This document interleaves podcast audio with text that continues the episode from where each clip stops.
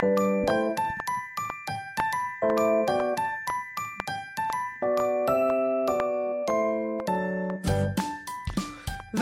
til podkasten Godt jugd, der Ida og Cecilie snakker om gammel film og ny TV, og andre gode fortellinger. I dag er en dag vi snakker om gammel film. I dag snakker vi om eh, en vampyrs bekjennelser, eller Interview with a Vampire, om man vil, fra 1994. 1994. Vet du hva, nå hadde jeg glemt av hadde bytta navn på båten. Nå ble jeg så overraska når du sa det. Å oh ja! Yes, det har vi gjort. Det går ikke bra. Det går ikke bra med kroppen. Men eh, nå ble jeg også litt glad, for jeg syns det er et skikkelig godt navn. Så Mm. det, var, det var bra. Det fikk. Du er jo litt tilgitt fordi du akkurat har vært på spinning. Ja, det er jo Det Det har liksom hjernen har koblet ut. Mm. Ja, Kroppen har koblet seg på og hjernen har sagt 'tusen takk for meg'. Det er ingen god, ingen god løsning. Nei. Ja, men 1994, hvor var du i verden da? I 1994 var jeg Jo, det var jo et fantastisk år. Der var jo jeg i vår, på vårparten så var jeg i India i Mm. fire måneder, eller noe. Ja. Eh, også, men denne, må jo, denne vet jeg jo at jeg har sett på kino. Han har hatt premiere på høsten. Ja, kanskje det. det. Ja. Jeg tror jeg så han flere ganger på kino. Jeg. Husker du om han da het En vampyrs bekjennelser? Ja, han het det. Den het det, ok. For jeg har bare Mm. alltid visst om den som Interview with the Vampire, men Mm. så, jeg så den ikke på, på eh, kino. Men det jeg oppdaget nå, jeg, for jeg skulle ha spilt den av fra eh, TV 2-spilleren, og der var jo det første jeg fikk opp når jeg gikk for eh, Interview with a Vampire, var jo en TV-serie. Ja, en ny TV-serie Har du fra i hørt om fjor. Det? Det var, det var helt om. Og jeg gadd ikke altså- bruke tid på det akkurat nå. Så jeg måtte jo søke på en vampyrs bekjennelser før det løsnet. Ja, jeg, jeg forsøkte å se litt av den nye serien, og det var så kjedelig Mm. at jeg bare slutta. Men eh, det nesten alt, nesten alt vi ser nå, er jo gjort om igjen. Men det, Det er det er fordi har ingen, ingen har råd til å ta risikoen på å lage noe nytt og lansere Nei, det uten nei, å ha en knagg. si. Men eh, Nei, det er både det og eh, at kanskje ingen har så gode fortellinger eh, lenger. Nei, det må, det, det må jo finnes. Det kan jo Ja, ikke, blir det kan jo ikke ha tatt slutt. Hvis, hvis liksom bare si 50% av de som ville skrevet eh, film eller god serie før, bruker halvparten av den tiden jeg bruker på telefonen sin på dagen. Ja, det- du mener at de scroller seg, de scroller Ja. seg til remakes? Ja, det tenker jeg. de scroller seg akkurat like dumme som oss andre. Ja, men det, kanskje det er fint da med denne eh, streiken i Hollywood, sånn at forfatterne kan gå tilbake igjen til Og de har ikke råd til, har ikke råd til å ha abonnement på mobilen sin lenger, så nå nei, setter de seg kanskje ned og finner på noe originalt. Ja, Ja, Mens alle vi andre kommer i kapp med alt det som er lagd. Hvis jeg bare kan slutte å se gammel The Office istedenfor uh, nytt. Ja, du kommer deg videre med det, eller? Er du snart ferdig? Jeg holder på Nei, nei, gud. Det er 188 episoder. Og så hører jeg jo den podden imellom, så jeg tar det litt, tar litt med ro. Ja. Nei, det bra. Ja.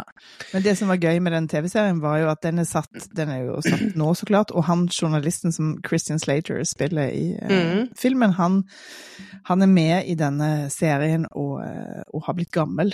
Mens, eh!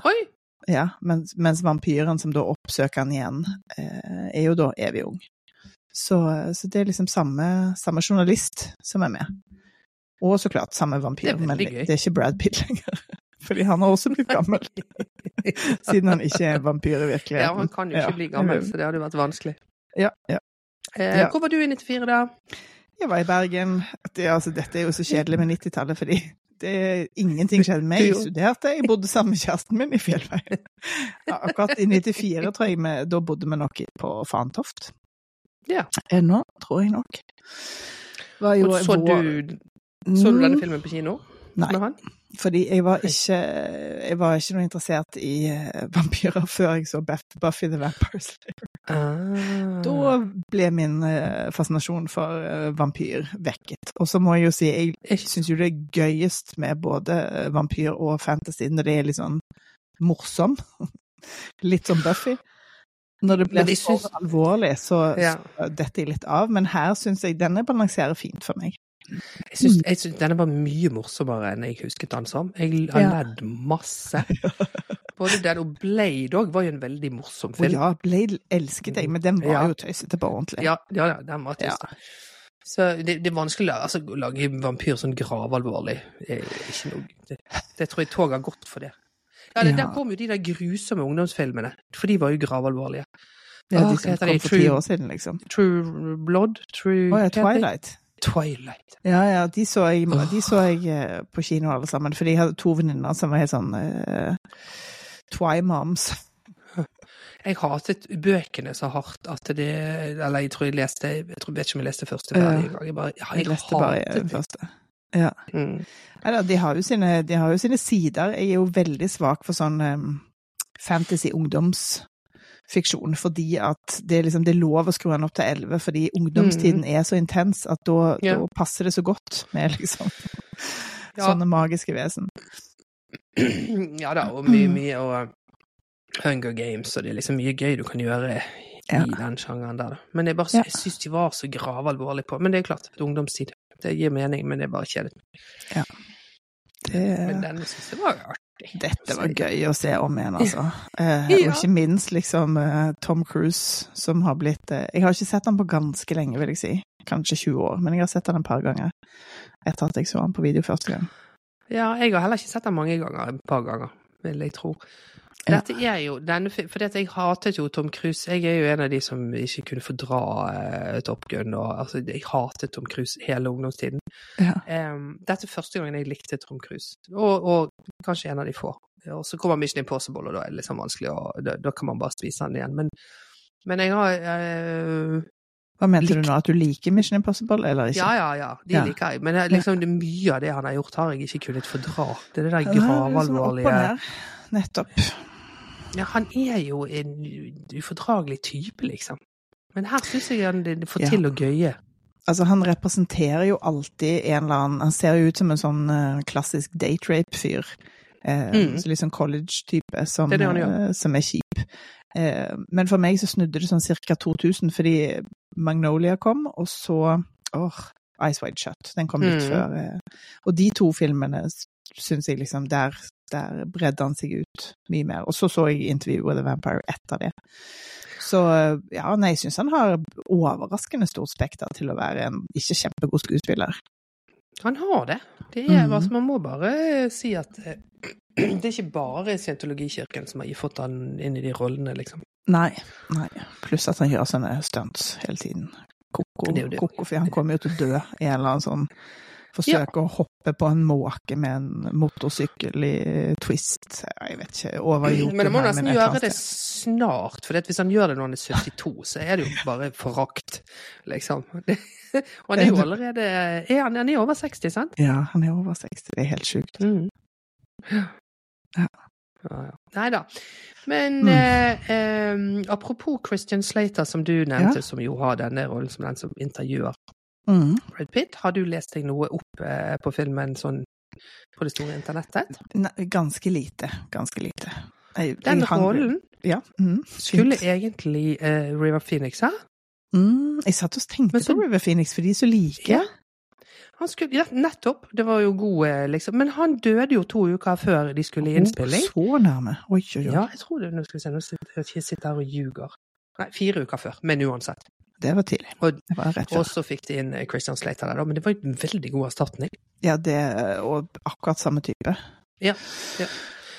Mm. Eh, Selv om han var vel fremdeles yngre, da? Eller var de sånn jamgamle? Jeg jeg tror liksom de var sånn sånn jamgamle. Spilte ikke de Ja. sammen i en film rett før? Jo, det, jo, Den, jeg har glemt hva den het. Og det var jeg good, eh, sånn- good fact, eh, Ida. Ja, var ikke det det? Jo. Det syns jeg var gøy. Andre gøye ting her som jeg har eh, fått med meg, er at um, Anne Rice, som jo har skrevet bøkene her, som denne filmen er basert på, eh, hatet castingen av Tom Cruise. Ja, det, ok, det, det fikk jeg med meg. Men var det ikke et eller annet med at hun She came around, liksom? At jo, hun- she came around når hun så det. Ja. Hun hadde til og med ringt han og unnskyldt seg og sånn, men hun hadde vært ute i pressen og sagt nei, dette er helt Ja, og det krise. er litt illojalt. Og, og vet du hvem hun ville ha? Og det Nei. forstår jeg jo for så vidt, men det hadde vært en veldig annen film. Men inni hennes hode så var det Rutger Hauer som var eh, den rollen. Ah. Mm. Som Ja, er det kan jeg mer se sånn kan funke. Ja, det, det, det er annerledes, men Ja. det kan absolutt funke. Han har har jo òg for der evil Bare sett han i Blade Runner, så jeg vet ikke hva slags Ja. range han har. Jeg har sett han der evil uh, opptil flere ganger, både her og der. Men uh, jeg tenker at det kunne funket. Og det, med sånn evil med glimt i øyet, liksom. Jeg Ja. tenker at det kunne gått. Ja, ja, absolutt. Så det syns jeg var artig. Ja. Også, Ja, det var gøy fact. Ja, var det ikke det? Og så klarte jeg ikke helt å finne ut av, for de var jo så poppe, de der bøkene, sant. Og det var jo Ja. solgt filmrettighetene for aldri så mye penger til tre filmer. Og så kommer denne her, og så skjer Ja. det ingenting før Queen of the Damned i 2002. Og den Ja, de henger sammen, ja. Det har jeg helt Ja. glemt, faktisk. Mm. Ja. Og så var det en til. Det er jo bøkene, jeg tror det er 13 bøker eller noe. Det er et helt enormt univers hun har laget. Ja. Som jeg begynte å lese en bok på, og så glemte jeg det litt bort. ja. Jeg har aldri lest det. Det, var det eneste tidbiten jeg har, er at hun døde under pandemien. Hun døde i Oi. 21. Og jeg Ja. bare Å, hun døde av covid. Men nei. Hun fikk en eh, stroke, hva heter det på eh, norsk da? Slag? Slaget. Og så døde hun i etterkant av det slaget. Så det var jo, men hun var 80 år, så det var jo på en måte et godt liv levd. Eh, Mm. Og åpenbart produktivt. Veldig. Ja. Uh, nei, så det eh, var interessant at ikke det ble noe av. Men det var vel den andre filmen, 'Queen of the Dam', det var vel der hun Døde hun under eller etter hun der skuespilleren som de ble laget til Selina?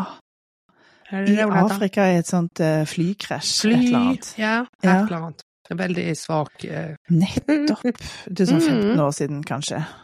Ja. Og så ble det, så ble liksom hele, den, hele det Ja. universet litt betent. Ja, jeg tror det var noe med det. Men det er også litt rart, for dette boken er den fra 76, og de filmrettighetene selges ganske sånn radig etterpå, at alle skjønner at dette kan bli god film. Men Ja. så skjer det jo ikke før, før i 94. Det der manuset bare virrer rundt fra selskap til selskap i Mm. årevis. Så, men eh, jeg syns eh, nå det er gøy, da. Det er veldig gøy. Du er veldig flink til å google sånne uh, filmting, Ida. Det er veldig, veldig bra. Jeg har bare én ting som jeg har fått med meg, Mm. fordi jeg er jo så opptatt av eh, alder på ting.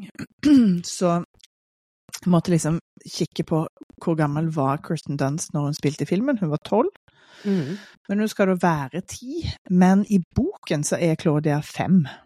Ja, for det gir mening. For jeg føler at det er liksom noen ting i, i skriptet som Jeg hadde ikke lest dette, men det er noen ting som legger opp til at hun er så veldig ung.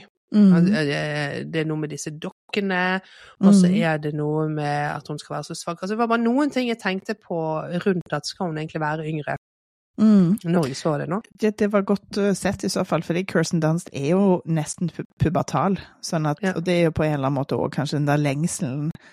Hører sammen med det pubertale, men, uh, men Ja. sorgen over og, uh, og det at hun skal være så forsvarsløs. Mm. Eh, Det gir jo også det- mening at hun er Ja. mindre. sant? Sant? For en Mm. tolvåring som har levd i 100 år, kan nok ting, liksom. Men det er klart en femåring har jo fysisk sett ingen styrke. Nei, og så er det også liksom det hele det der med hvordan hun ble skapt, og hvordan ble skapt, og sånn. Nei, ja, det samme skjedde Ja. med deg, men du var så liten at du husker det ikke. Ja. Også er Nettopp. liksom greie. Men eh, Mm, men det det klart, jeg kan jo så klart at det ikke gikk for en femåring. Nei, Det det er jo vanskelig. vanskelig å finne en skuespiller, så klart, men òg fordi at det er jo sånn et seksualisert univers. Ja. Så Mm. det hadde kanskje blitt problematisk på, Mm. på flere måter, jeg vet ikke. Mm. Jeg leste i omtale av serien, nå gadd jeg jo ikke se den så, så langt, men eh, jeg leste i seriens omtale at der hadde de tatt det homoerotiske mer på alvor enn det, enn det filmen gjør.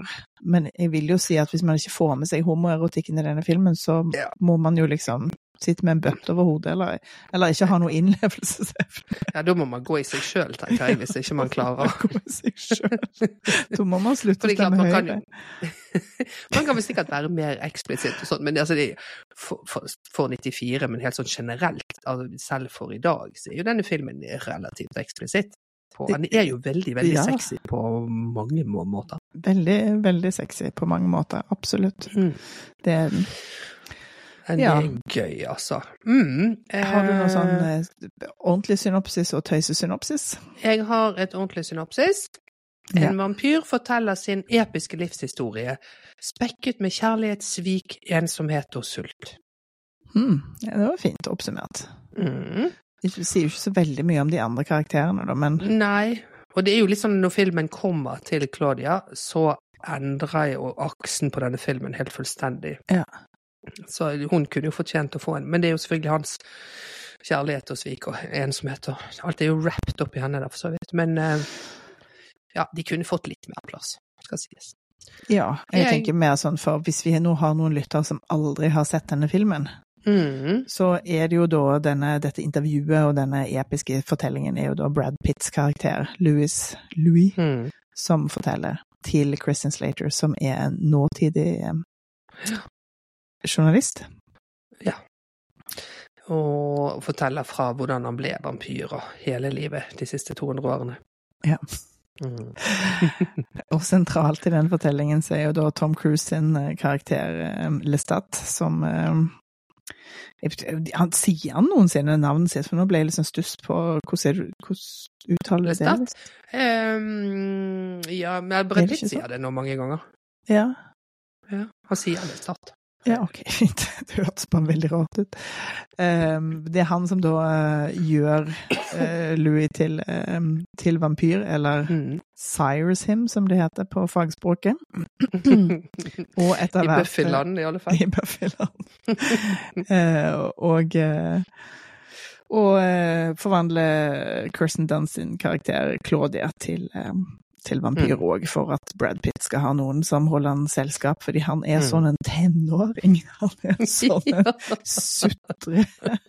Sutregutt. så sutrete. Ja, han er veldig sutrete. Men jeg har eh, omdøpt denne filmen eh, Jeg har ikke et nytt synopsis, men jeg har en ny tittel. Ja. Denne filmen heter I mitt univers Årsmøte i De våte leppers landsforbund. Ja, for det, det tåler jo å gjentas at grunnen til at vi kom på at vi måtte se denne, var at når vi så Seven, så ble du helt besatt av de våte, åpne leppene til, eh, til Brad Pitt. Og han har jo det her òg. Ja. Og Tom Cruise har det. Tom Cruise har det, og smalere eh, Antonio Banderas er ikke helt fremmed for det, han heller. Det er ganske godt. og så har jeg en som for så vidt ikke er så eh, verken morsom eller noe, men en annen eh, synopsis fra min side. Foruroligende sexy film om død, modernitet og fordervelse. Ja, det er fint. Jeg har bare én. Det er familieterapi med manikyr. For det er så, det er så veldig mye eh, sånn gelakknegler her. Noen er matte, og noen er blanke, men det er veldig ja, det, er mye, det er mye negl. Jeg lurte på det en stund, om det er sånn at i det øyeblikket du blir vampyr, så bare vokser neglene ut og er på sånn lengde at ikke det er lyst til å klippe de, liksom. Men det er sikkert sånn da Ja. at, eh, at hvis de klipper de, så bare kommer de ut til den lengden. Antageligvis. Fordi at Mm. når Claudia blir gjort til vampyr, så får hun jo på en eller annen måte en frisyre som er annerledes enn hennes eh, Mm. originale hår, så kanskje dette bare er vampenegler. Hvilket jo gjør det litt sånn pussig at folk ikke bare sånn Dette må vi holde utkikk med. Menn som har sånne negler, det er suspekt. Men det er selvfølgelig òg knyttet til en femininitet og eh, hele homoerotikken i dette universet. Mm. Ja, det er det. Fordi nå, altså nå Good, Det er veldig, veldig sjelden man ser menn med sånn eh, french tip eh, manikyr, men, men det med, altså med neglelakk har jo blitt veldig sånn avseksualisert, eller avkjønnet. Mm. Det Mm. er jo ikke noe uvanlig å se menn med neglelakk. Det, det skal man jo være 100 år for å la seg sjokkere av. Men den type negler de har her, det er noe annet. Det er liksom er mer klør. Feminine klør. Ja, og det, det, det er litt sånn dyriske med de òg, da. Ja. Vet du hva filmen heter på dansk og svensk? Å nei, det vil jeg vite. En vampyrs bekjennelser. Kjempekjedelig. På begge språk? på begge språk. Jeg ble sånn desp og bare sånn Hæ, jeg må finne den finske tittelen! Men det hadde jo ikke vært noe gøy, fordi vi kan jo ikke finsk. Så den, eh, den var veldig streit. Mm. Sikkert noen som Regi er Neil Jordan, som så vidt Ja. jeg vet, som har bare gjort The Crying Game, som jeg vet om. Ja. Jeg kjenner ikke han fra før. The Crying Game var jo en sånn Nord-Irland, det var en sånn IRA-ting der Mm. Husker eh, med sånn kidnapper og sånn. Ja, men det er det Ja. eneste jeg, jeg sjekket listen, og det var, det var ingenting annet jeg hadde Ja. minne. Det betyr jo ikke at det ikke er masse bra der, men det var i hvert fall ikke i mitt hode. Litt sånn eh, ukjent type. Ja. Ja. Filmen er 1,57 lang. Veldig bra lengde. Litt i overkant. Litt i overkant. Kunne Men ikke over to timer. Mm. Som er det viktigste. Det er det viktigste. Ja. Skal, Skal vi vi, forsøke eh, å holde oss unna to vi-? Vi prøver det. Vi får Vil du eh, sette oss, sette oss inn i filmen? Ja, det er Den begynner jo uh, veldig Veldig eh, filmisk. Eh, liksom vi, vi panorerer over, eh, over hav og en bro som gjør at jeg tenker er det San Francisco, er det New York? Det er så, det er så sort-hvitt at jeg ser ikke at det er San Francisco i utgangspunktet, for den broen pleier jo alltid å være rød. Mm. Eh, Det er barnekor som synger en slags eh, sakral eh, salme. Natt. Og måten vi liksom flyr innover Altså, perspektivet her er måte, Nå kaller vi det droneperspektiv, det gjorde vi ikke da, i 94. Eh, men det føles Altså, det at vi kommer fra vannkanten, tenk, da tenker jeg på Bram Stokers Dracula og, og liksom den der overfarten eh, som, eh, Mm. som inngang til universet.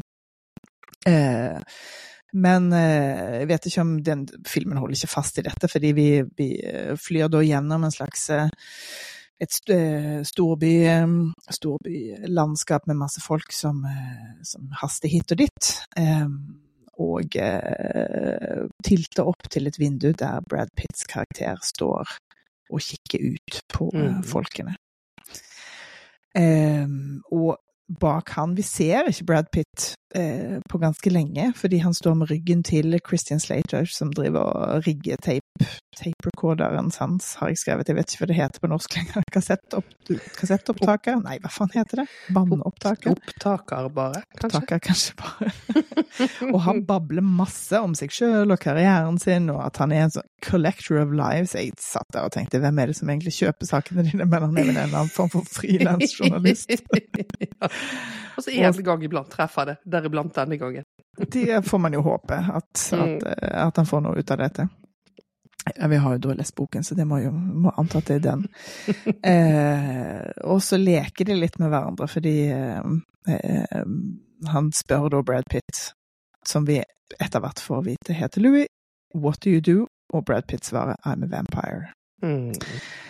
Og hva tenker du om Brad Pitts karakter på dette tidspunktet?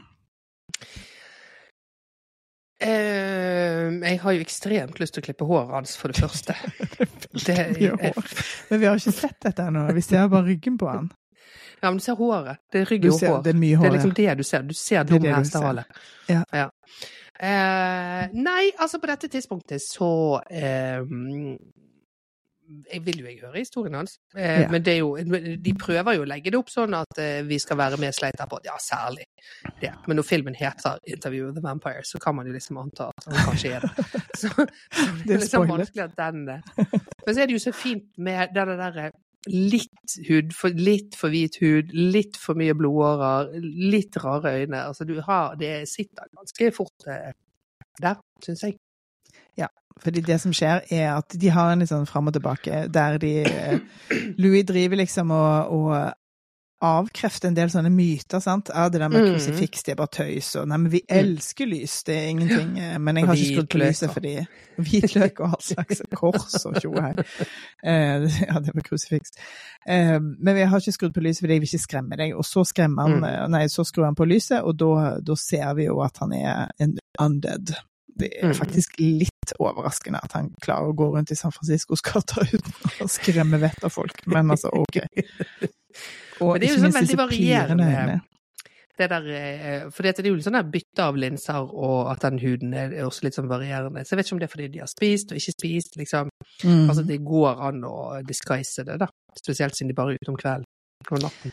Ja, ikke sant. Det er jo et godt poeng. Pluss alt det håret, da. Kanskje håret har en veldig eh, praktisk funksjon av å liksom skjule alle blodårene som Mm. popper, popper ut.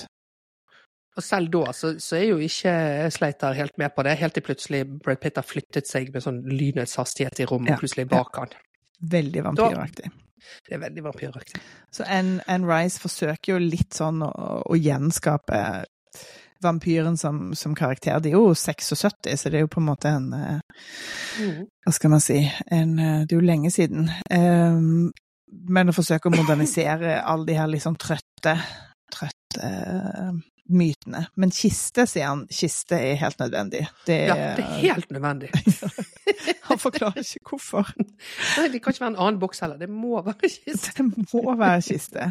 Det er jo ganske freaky i seg Vet du hva, forresten? eh, Det med den huden som har de der blodårene som er veldig sånn fremtredende. Der mm. leste jeg, det må jeg bare ta én til sånn fun fact. Ja. Unnskyld. Um, at, og dette vet jeg ikke sant, men det er for godt til å, å dobbeltsjekke. At i sminken i før, de- at de tvang de til å henge opp ned, sånn at de fikk alt blodet til hodet. Sånn at eh, blodårene, altså deres egne, da, der de ville komme fremtredende, Mhm, Var fremtredende. sånn at de kunne sminke på. Ja. ja, sånn at de var naturlige. Mm. De vet ikke om det er sant, men det var gøy. Ja, det ser veldig naturlig ut, må jeg si. Ja, Som, ja det eh, syns jeg. Ja, ja, jeg er jo 50% engelsk, så jeg er jo sånn helt naturlig. Så dette kan jeg kjenne meg igjen i. Ikke sant. Nei, og så Ja. sier han jo at eh, Ja, for det er litt sånn Hvordan gjorde du det? Altså, nei, jeg beveger meg akkurat på samme måte som deg, bare. Det er mye fortere. Og så sier han at jeg er kjøtt og blod, men jeg er ikke menneskelig. Jeg har ikke vært menneskelig på 200 år. Og her har jeg skrevet notat til meg sjøl. Jeg hyller dette manuset for eksemplarisk start. Vi er fremdeles ikke fem minutter inn. Det er, jeg syns det er så deilig. Det er ikke noe å lure på nå. Liksom. Da. Han burde bare lene seg tilbake og kose seg. Ja, det er ikke noe fettlag her, nei. Det er liksom rett, eh, rett inn på muskel. Ja. Veldig deilig. Det, jeg henger også med her. Og så tar han oss jo tilbake til 200 år tilbake i tiden. Mm. Til eh, en plantasje utenfor New Orleans, der han da var the master of the plantation som 24-åring. Enkemann fordi at kone og barn hadde dødd i barsel. Og han Mm. var jo på en eller annen måte, han var jo deppa allerede her, sant. Så åpenbart da, liksom en, en melankoliker og deprimert fordi han har mista familien sin.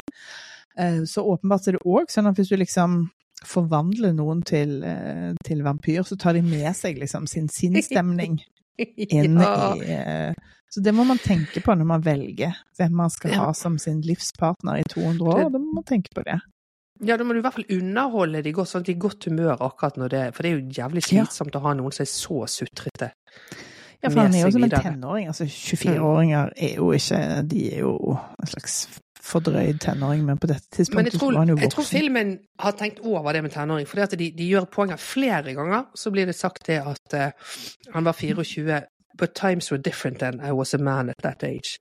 Så Ja. at filmen jeg tror jeg egentlig liksom vet at han er tenåringsaktig, og så prøver de å skalkeskjule det litt.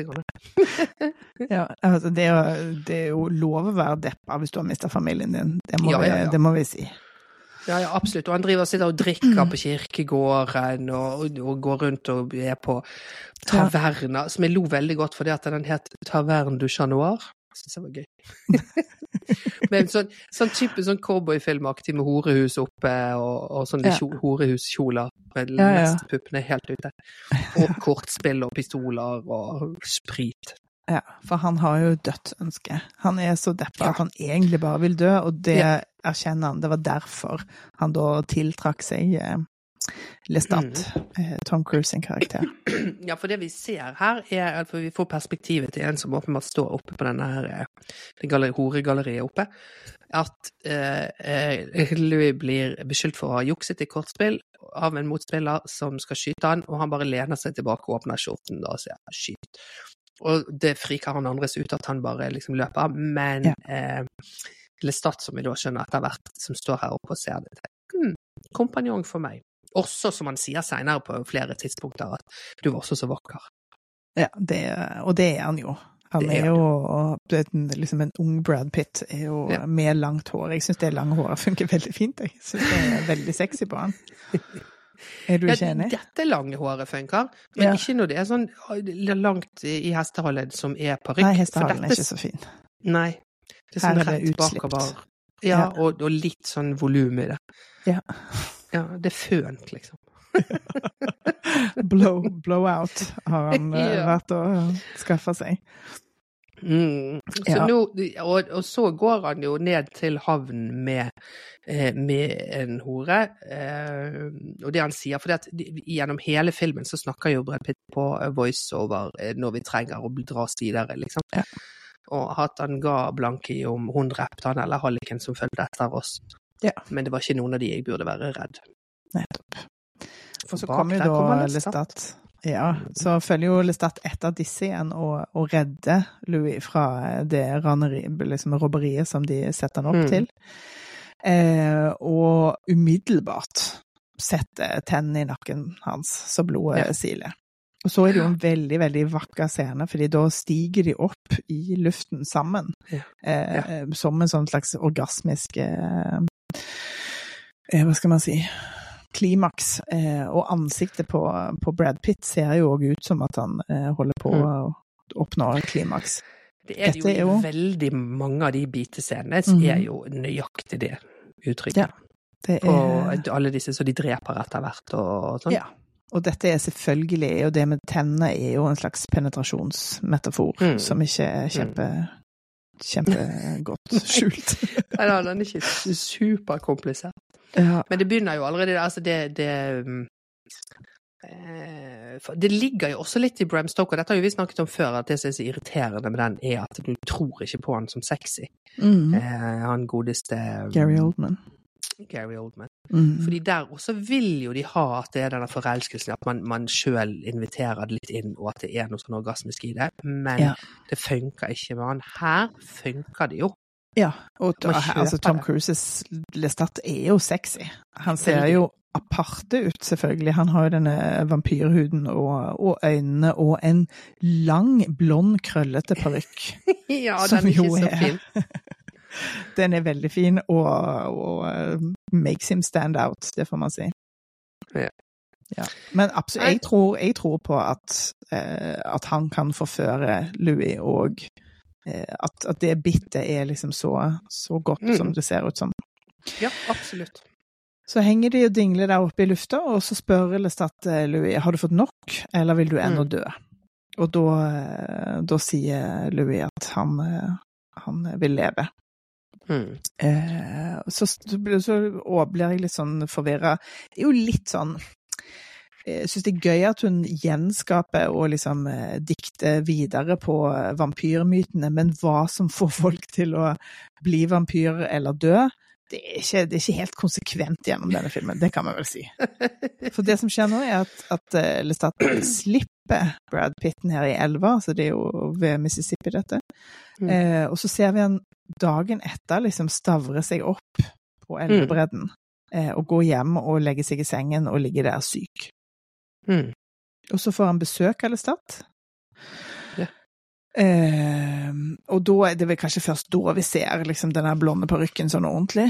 Eh, og, eh, og, og da blir han liksom, eh, hva skal man si, forberedt på at han skal ha denne forvandlingen, sant. Så da Mm. går han ut og ser sin siste, sin siste soloppgang, så Nei, nå gjorde vi det igjen. Riverside FM. Nei, men i all verden. Jeg ber om unnskyldning. Skulle det, Vi må få oss en ordentlig tekniker. Jeg kan, ikke, jeg kan jo ikke holde på med Nei. dette. Nei. Men det som, jeg, som lytterne ikke vet, som jeg og du vet, er at det er noe rart som gjør at jeg får ikke til det, vi får ikke lyd hvis jeg ringer deg opp. Så Nei. du må ringe meg opp, og da Ja. er du teknisk ansvarlig. Det blir så mye for meg, og så har jeg ikke Som ikke er en god løsning. Nei, det er ikke en god løsning. Men jeg tar opp i hvert fall. Det triller og går, så Mm. det er veldig bra. Men nå skulle jeg egentlig bare bla i notatene mine, og så klarte jeg å kicke av gårde denne.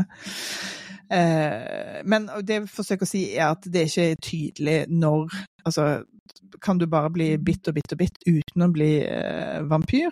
Ja, det kan du Mhm. åpenbart. Og uten å dø? Ja, det kan du åpenbart. Fordi så lenge ingen liksom tømmer deg for blod, så fortsetter du å leve, og så er det først når du drikker den Mhm. andre vampyrens blod, Mm. at du blir vampyr. Og det ser vi eh, i neste scene, når, eh, når han har sett sin siste solnedgang, eh, Mm. med, et, med et utrolig vakkert eh, ansiktsuttrykk. Og det er mye leppe. Veldig Også mye. her. Ja.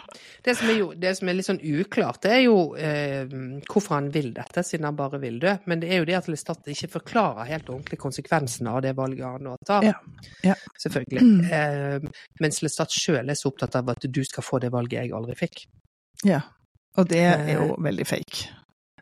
Ja, det er det. Men, Fordi det men det ikke et er valg klart hvis at du ikke vet hva det innebærer. Nei, og denne sånne sutre-Louis er jo Det, det, det, det er jo liksom et, et sånn svakt eh, punkt her, fordi at akkurat den hans motivasjon for å ville bli vampyr, men han skjønner Ja. kanskje ikke at det er det han sier ja til, da. Men han har jo sett Nei, han ble vel, altså, han ble vel eh, lokket av det seksuelle i, i dette møtet. Ja, ikke sant, og det er jo veldig forførende med alt det som Lestat her eh, Definitivt. driver med, liksom. Så han lar seg lure av gårde. Ja. Hmm. Og det er Lestats egen feil at han har eh, valgt seg en sånn sutrefyr. Det vil jeg faktisk hevde. Ja. Men nå er det jo også veldig sexy med denne forvandlingsscenen. Ja, Fordi at han eh, eh, Lestat biter sitt eget håndledd og liksom drypper blod i, Mm. i eh, Louis' munn, og så griper Louis håndleddet hans eh, grådig, og liksom eh, Vi hører på Suger lydbildet. Suger Ja. Og vi hører på lydbildet at eh, hjerteslagene hans går fortere og fortere og fortere, og Mm. så eh, Det som da skjer, er at kroppen dør, sånn at eh, mens hjerteslagene dabber av, så vrir han seg i smerte. Eh, og Lestat forteller oss alt dette på Så det er jo også Mm. veldig god eksposisjon, må jeg si. ja, det er kjempegode det. Ja, ja. Nei, bare slapp av, det er bare kroppen din som dør.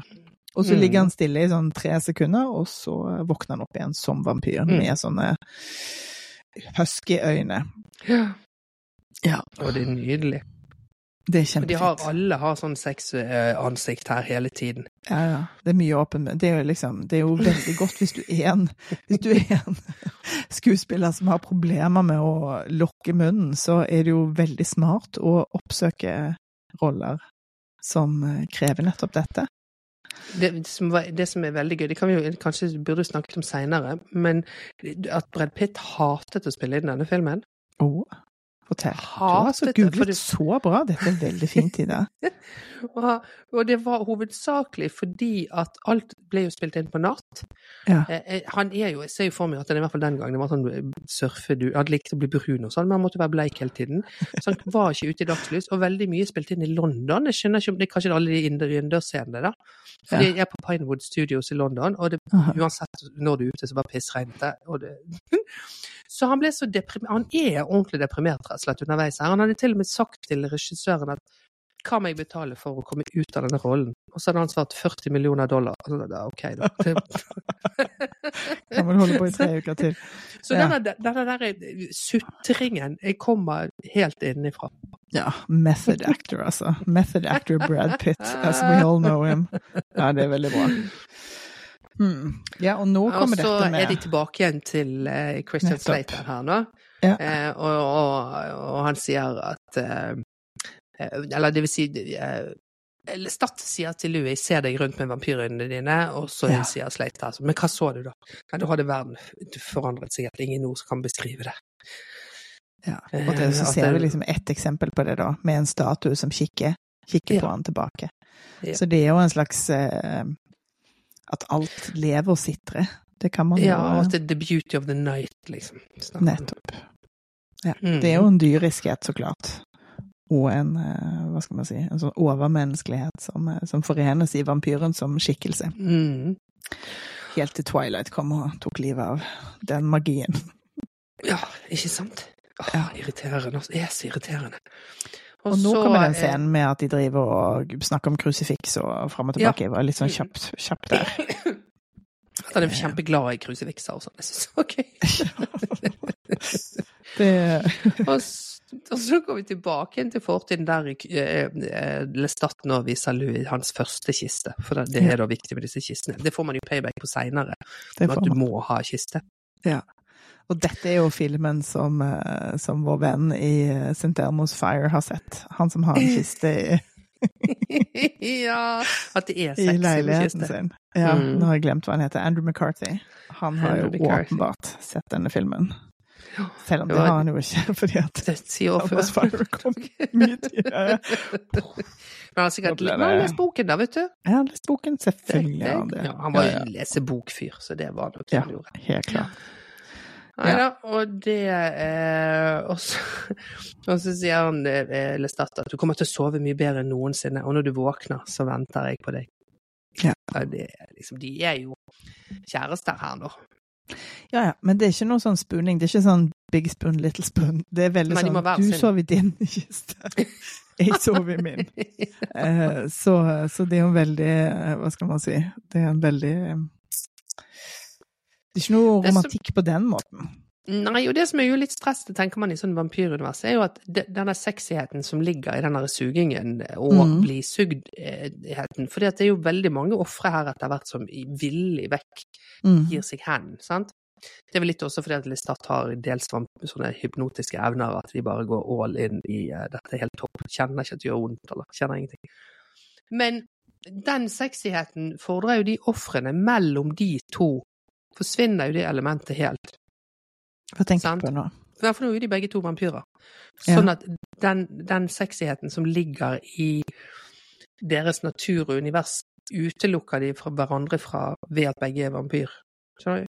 Så jeg bare lurer på, har de noe sexliv, har jeg lurt på her, annet enn at de bare de begjærer å, å frastøtes jevnt her, liksom? Av hverandre. Ja, altså, Men om det har får sånn fysisk uttrykk? Mm.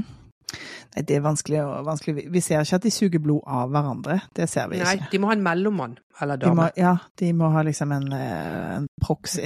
Eh, Og det Ja. ser vi jo da i, i neste scene. Da har de Mm. en eh, stakkars kvinne som sitter mellom de. Hun ser ikke så prostituert ut, hun ser liksom bare ut som en som Serveringsdame. Lady of the Night. Ja, ja det er vel en prostituert. Kanskje en eh, servitris, ja. Eh, og så er det åpenbart at de liksom skal dele henne, og Lestat har et sånt creepy fingerbøl med en sånn liten eh, klo på. Eh, Ja, sånn I sølv, eller hva det nå kan være. Ja, som Mm. han liksom piercer blodårene til folk med. Sånn at når eh, når Louis driver og, og feeder på hennes nakke, så skynder Tom Cruise seg og altså Lestat seg og liksom lenser henne for blod sånn at hun dør. Fordi Louis vil ikke drepe henne. Eh, og det er kanskje litt kobla til det der med som vi lærer seinere, at hvis du, hvis du eh, drikker blodet til noen som er død, så, så svekkes du eh, alvorlig og kan dø selv eh, som vampyr. Mhm. Men, eh, men her tror jeg at det handler om eh, at eh, Louis forsøker på en måte å, å holde sin stir igjen, men eh, Lestat vil ikke la Mm. han være en god vampyr. Nei, han syns jo det er helt sløkket. Altså hele poenget med å være ha the dark gift, som han snakker om hele tiden, er jo at du har den friheten til å gjøre hva du vil uten skyld og skam. Så det er jo en veldig strek i regningen for um, at eh, Louis er så full av skyld og skam. Ja. Men igjen, det burde han ha sett før Ja, det er akkurat eh, dette. Du sto Ja. jo og kikket på denne emo-fyren, liksom. Altså, han er liksom en gosser fra 1700-tallet. Det er veldig Det er mye empati, og det er mye På et tidspunkt så, så kaller det Satan en, en vampyr med en, et, et menneskes sjel. mm. Så det er jo liksom samvittigheten han har med seg. Um, Ja, det er det. Og eh, det blir jo så vanskelig eh, etter hvert her. Men eh, de, i hvert fall når de har eh, gjort denne Eller det, det, her er jo den grunnkrangelen her. Jeg vil ikke ta livet av henne. mm, Hvordan skal jeg gjøre Når det begynner å gå opp for han at å, dette livet her, det var litt dumt. Ja. Og så Lestat har jo Jeg lurer jo litt på om Lestat har gjort dette valget med emo. Altså, For at han har jo mye penger, og han har denne plantasjen, og det er slaver, og det er liksom mye folk som kan dø uten at noen lager noe brudulje. Ja. Så det er jo veldig praktisk å flytte inn på denne plantasjen. At han bare tenker ok, jeg får deale med emo. Ja, fordi vi ser noen sånne eh, scener underveis her med at det er mye eh, Det er mye sørging over døde folk eh, Ja. i kulissene. Eh, åpenbart da blant slavene, og, og det er også mye voodoo voodoo-aktivitet. Eh, Mm. Så De åpenbart så prøver å, å forsøker de å stoppe det. Ja. Og Tandy Newton er jo i, hun kommer jo inn her nå, for hun er Å, hun er, hun er så vakker. Ja. Jeg måtte Altså, slå opp med en gang og bare Er det henne? Hun er helt Ja. fantastisk. Og hun spiller jo òg mot Tom Cruise i min favoritt Mission Impossible 2-eren. Ja. Eh, som jo er den aller mest tøysete, som John Ja. Woo har eh, regissert. Eh, den er liksom bare Ja, den er høystemt fra, fra start. Ja, det er veldig gøy. Nei, hun er altså så skjønn. Hun var jo i ER òg. Ja. Ikke noen god rolle, men dog. Nei, det er ikke det jeg husker henne for. Oh, nei, men hun var der. Hun var lege i Rwanda. Fordi at han, John Carter drar jo dit på sånn der Åh, Leger uten grenser-ting. Så kommer han hjem med så henne. Det kjedelig. Ja, ja, så, så kjedelig. Ja. Det var bare sånn, men å, forsøk å utvikle seriens premisser, så er det bare sånn nei, nei, du må bare alltid være inne i denne lille innstengte, Ja. klamme Det er akkurat det. Ja.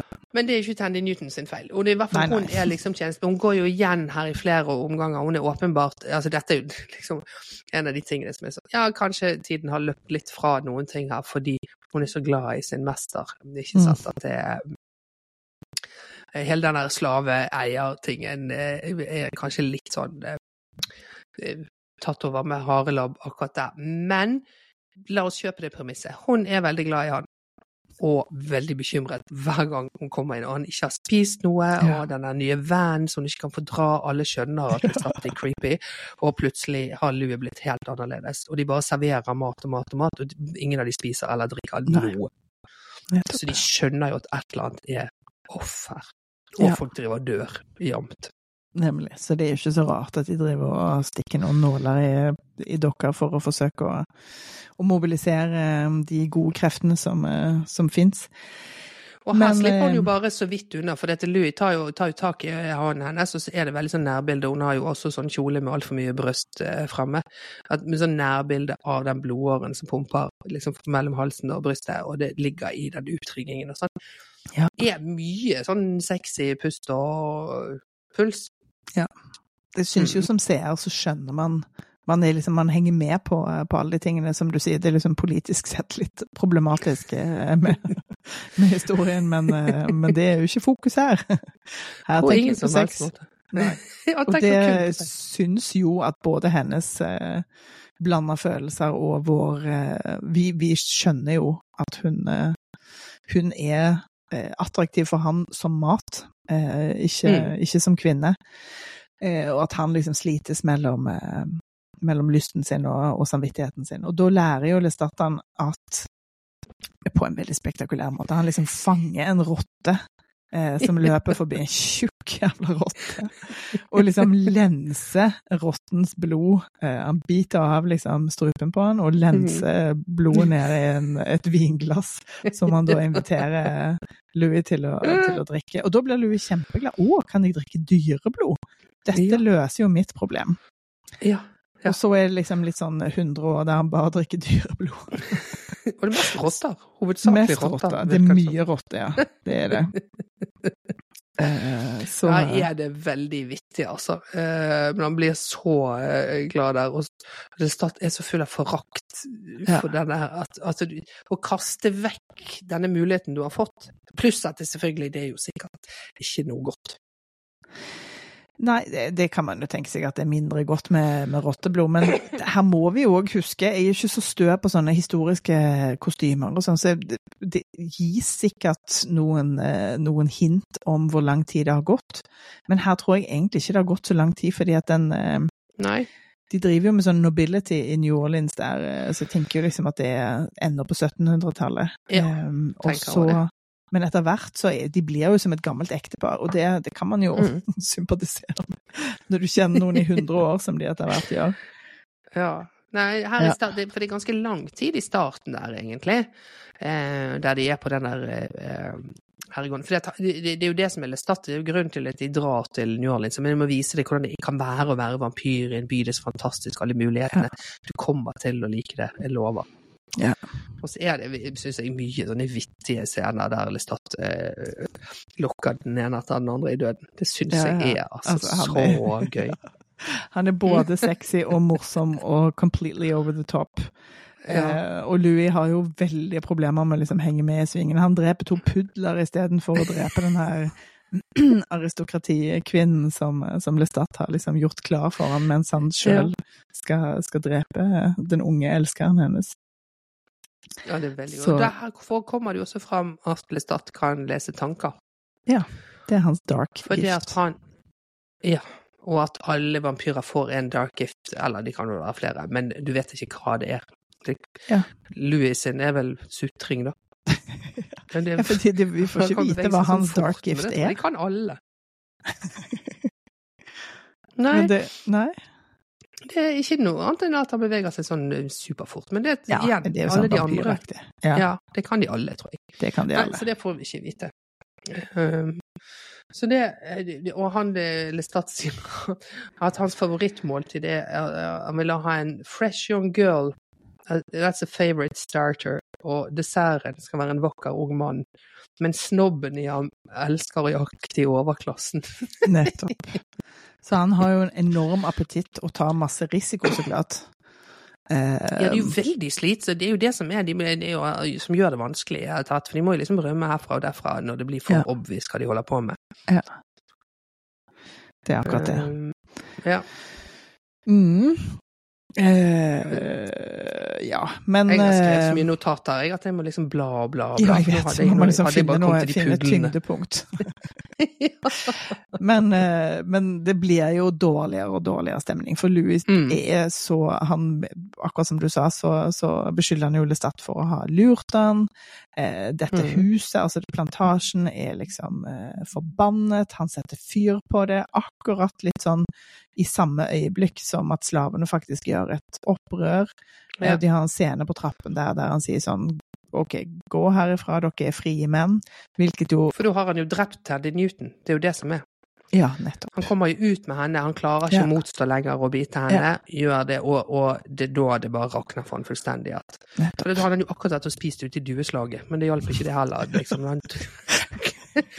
At han, hans forakt for seg sjøl er at alle slavene må unna. For det, er- det er veldig gøy krøssklipp mellom han er ute og i det dueslaget, mens det, rundt er det masse døde mennesker som blir statt av. Eh, Ja. um, men når han da liksom, denne tjenestepiken som Han har jo fremdeles menneskelige følelser, sant? Så, Ja. så når han har gjort det, da, tenner han fyr på absolutt alt. Og Ja. dere er fri alle sammen, vekk herfra dette stedet, er forbannet. Yes. Brenne ned driten. Ja. Så da blir jo Lestat Som- kjempesur, fordi da må de liksom Da må de sitte på en skitten kirkegård, og liksom som sånne Buffy-vampyrer.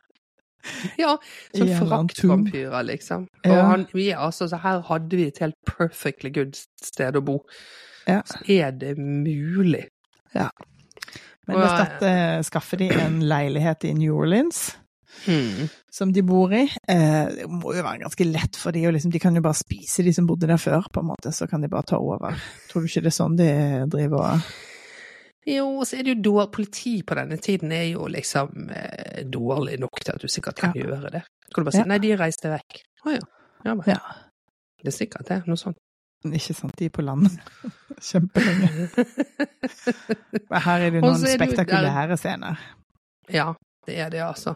Ja. Eh, og eh, her er det jo igjen en sånn eh, eh, prostituert scene med to damer. Den er også sånn supersexy, eh, og, og Louis går rundt i bakgrunnen og er helt oppgitt og deprimert. Men han, jo, han lusker jo rundt hele tiden. Han, skal, han er liksom i nærheten, han drar ikke. For det kunne han jo gjort. Han kunne dratt og funnet seg et dueslag et annet sted. Nei, nei, nei. Henger rundt og ser på, er bare sånne misbeligende. Ja, ja, men det, det er jo veldig sånn eh, Alle har vel vært i den settingen at man har liksom vært sånn to venninner, og så er det liksom Hooker man opp med Kanskje ikke hooke opp, men liksom finne to to fyrer, og så er man denne venninnen som får han andre. Han som bare snakker om ekskjæresten sin, eller altså bare sånn Han skikkelig dølle. Og det blir ikke noe gøy av noen ting.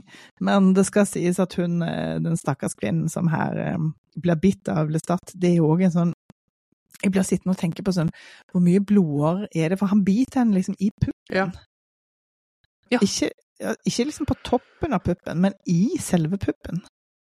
Men der er det vel ikke så mye blod? Nei, det er akkurat det. Det er veldig Ja, men han dårlig liker å sted dra drar det litt ut.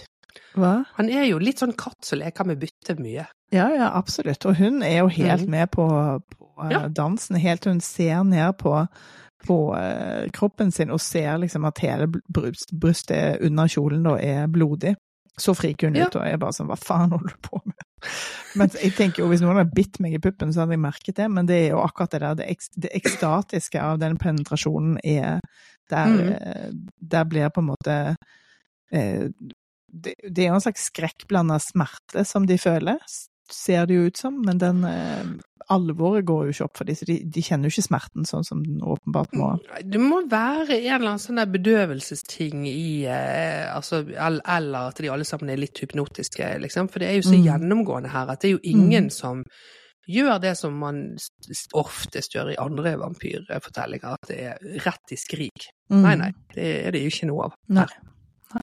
Det er en nytelse. Og hun her blir stakkars, altså de driver og plager henne, og Ja, putter henne ned i en kiste, Ja, og hun, og hun ja, du skal snart dø likevel, og det, er helt forferdelig. Stakkar. Ja. Ikke noe gøy. Han vil at Louis skal drepe henne, og Ja. Louis nekter og står imot, og så gir han opp til slutt Lestat og dreper henne. Ja. Eh, og så sier Louis at 'og du er alt jeg har å lære fra'. Ja. Fordi at Lestat liker jo å fremstille seg sjøl som altså som en god og mild herre, fordi at han som laget meg, viste meg ingenting. Mm. Jeg viser deg alt, og så vil du ikke du ha det. Den Ja. lærdommen jeg har. Ja, han forsøker å være en slags pedagog, på sitt Ja. vis. Ja, ikke, ikke så god en, men uh, Ikke så veldig god en. Nei, men han prøver. Ja. Og nå Um, kommer det, det gøyeste vendepunktet i denne filmen, som er nesten alle mine minner fra denne filmen, handler om Claudia, som da er Kirsten Dunns karakter, som Ja. vi nå møter. For Ja, nå er det endelig, pesten at- har kommet til New Orleans. Ja, og nå har jo denne, altså den konflikten mellom de to har jo nå spilt seg ferdig. Ingen Ja. av de kommer til å dø, de kan ikke drepe hverandre, de kommer til å sutre seg gjennom århundrene på denne måten her. Ja. Så det er jo helt nødvendig at det kommer nå. Ja, ja, og han nå har Eh, Louis blitt en rottespiser. og- Han bare går rundt i regnet og ser ut som Seven, ja. Seven-detektiv og spiser rotter. Så Ja! Og så møter han på en som så likbærer, så sier han nei, ikke gå den veien, det er pest der. Og han går Ja. rett den veien, selvfølgelig. Ja, ja. Og der er jo da Claudia, som er en ti år gammel jente, har da mistet eh, moren sin, som hun sitter og sørger ved føttene til. Eh, Mhm. Og det er jo Louis først som biter henne, som en sånn slags Mm. eh, En handling av empati, kanskje, fordi at hun er et barn som allikevel kommer til å stryke med, eller hva tenker du der? Men jeg tenker, det er jo det at hun viser han liksom så mye Altså, hun stoler sånn på han, fordi at han Ja. kommer og hun tror at han skal hjelpe, sånn denne 'please help us' og 'mommy, mommy' og sånn, og så klem, gir hun han en klem og legger armene rundt halsen på han, og helt sånn overgivent barn.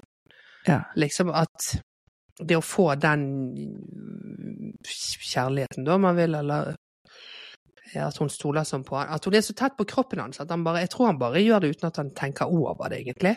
At Ja. han bare Plutselig så klarer han ikke å styre seg. Det er jo Mm. problemet med å være vampyr. Ja, og igjen da, liksom, det, hun er jo ennå et barn selvfølgelig, men med en femåring hadde det vært enda, enda mer grenseoverskridende å se. Det er kanskje noe Mm. annet når man leser det. Ja, Men og så det er kommer det er- Ja, selvfølgelig. Og han er jo en fest. Driver og danser med liket av denne stakkars mora. Ja, for han skal feire jo at eh, Louis har blitt et menneske, og at Ja. nå er liksom din tid som vampyr. Endelig. Jeg hadde nesten gitt deg opp, liksom, at du skulle gå rundt her og spise rotter, men nå må vi feire. Ja. Du er den du er, og sånn. Eh, og så sier han, som jo er helt sant, som du elsker din egen skyldfølelse. Og det er jo det, er jo det han holder på med. Han er jo, altså Louis er jo en slags eh, 200 år tidligere Andrew McCarthy-karakter fra Ja. eh, Breakfast Club. Nei, unnskyld, St. Elmo's Fire. St. Elmos. Ja, ja, han er det. De er jo liksom denne sutre, sutremannen som vi har snakket mye om. Mm. Eh, Og her nå er han jo eh, så i tvende sin fordi at det er liksom den der følelsen av at blodet som hennes som sitrer gjennom kroppen, og det er en helt fantastisk følelse, og Ja. nå går han og gjemmer seg nede i kloakken. Ja. Vet ikke sine armer rå. Ja. Eh, Men han finner, da kommer Lestat kommer selvfølgelig og finner han med en gang. Og lekser opp for Eh. Nå er det mye preaching her, altså. At med liksom ansvaret Hvis du er vampyr, så har du et ansvar. Du er heva over reglene for mennesker. Eh, Mm. Og så har han jo da forberedt Claudia for, eh, for denne forvandlingen.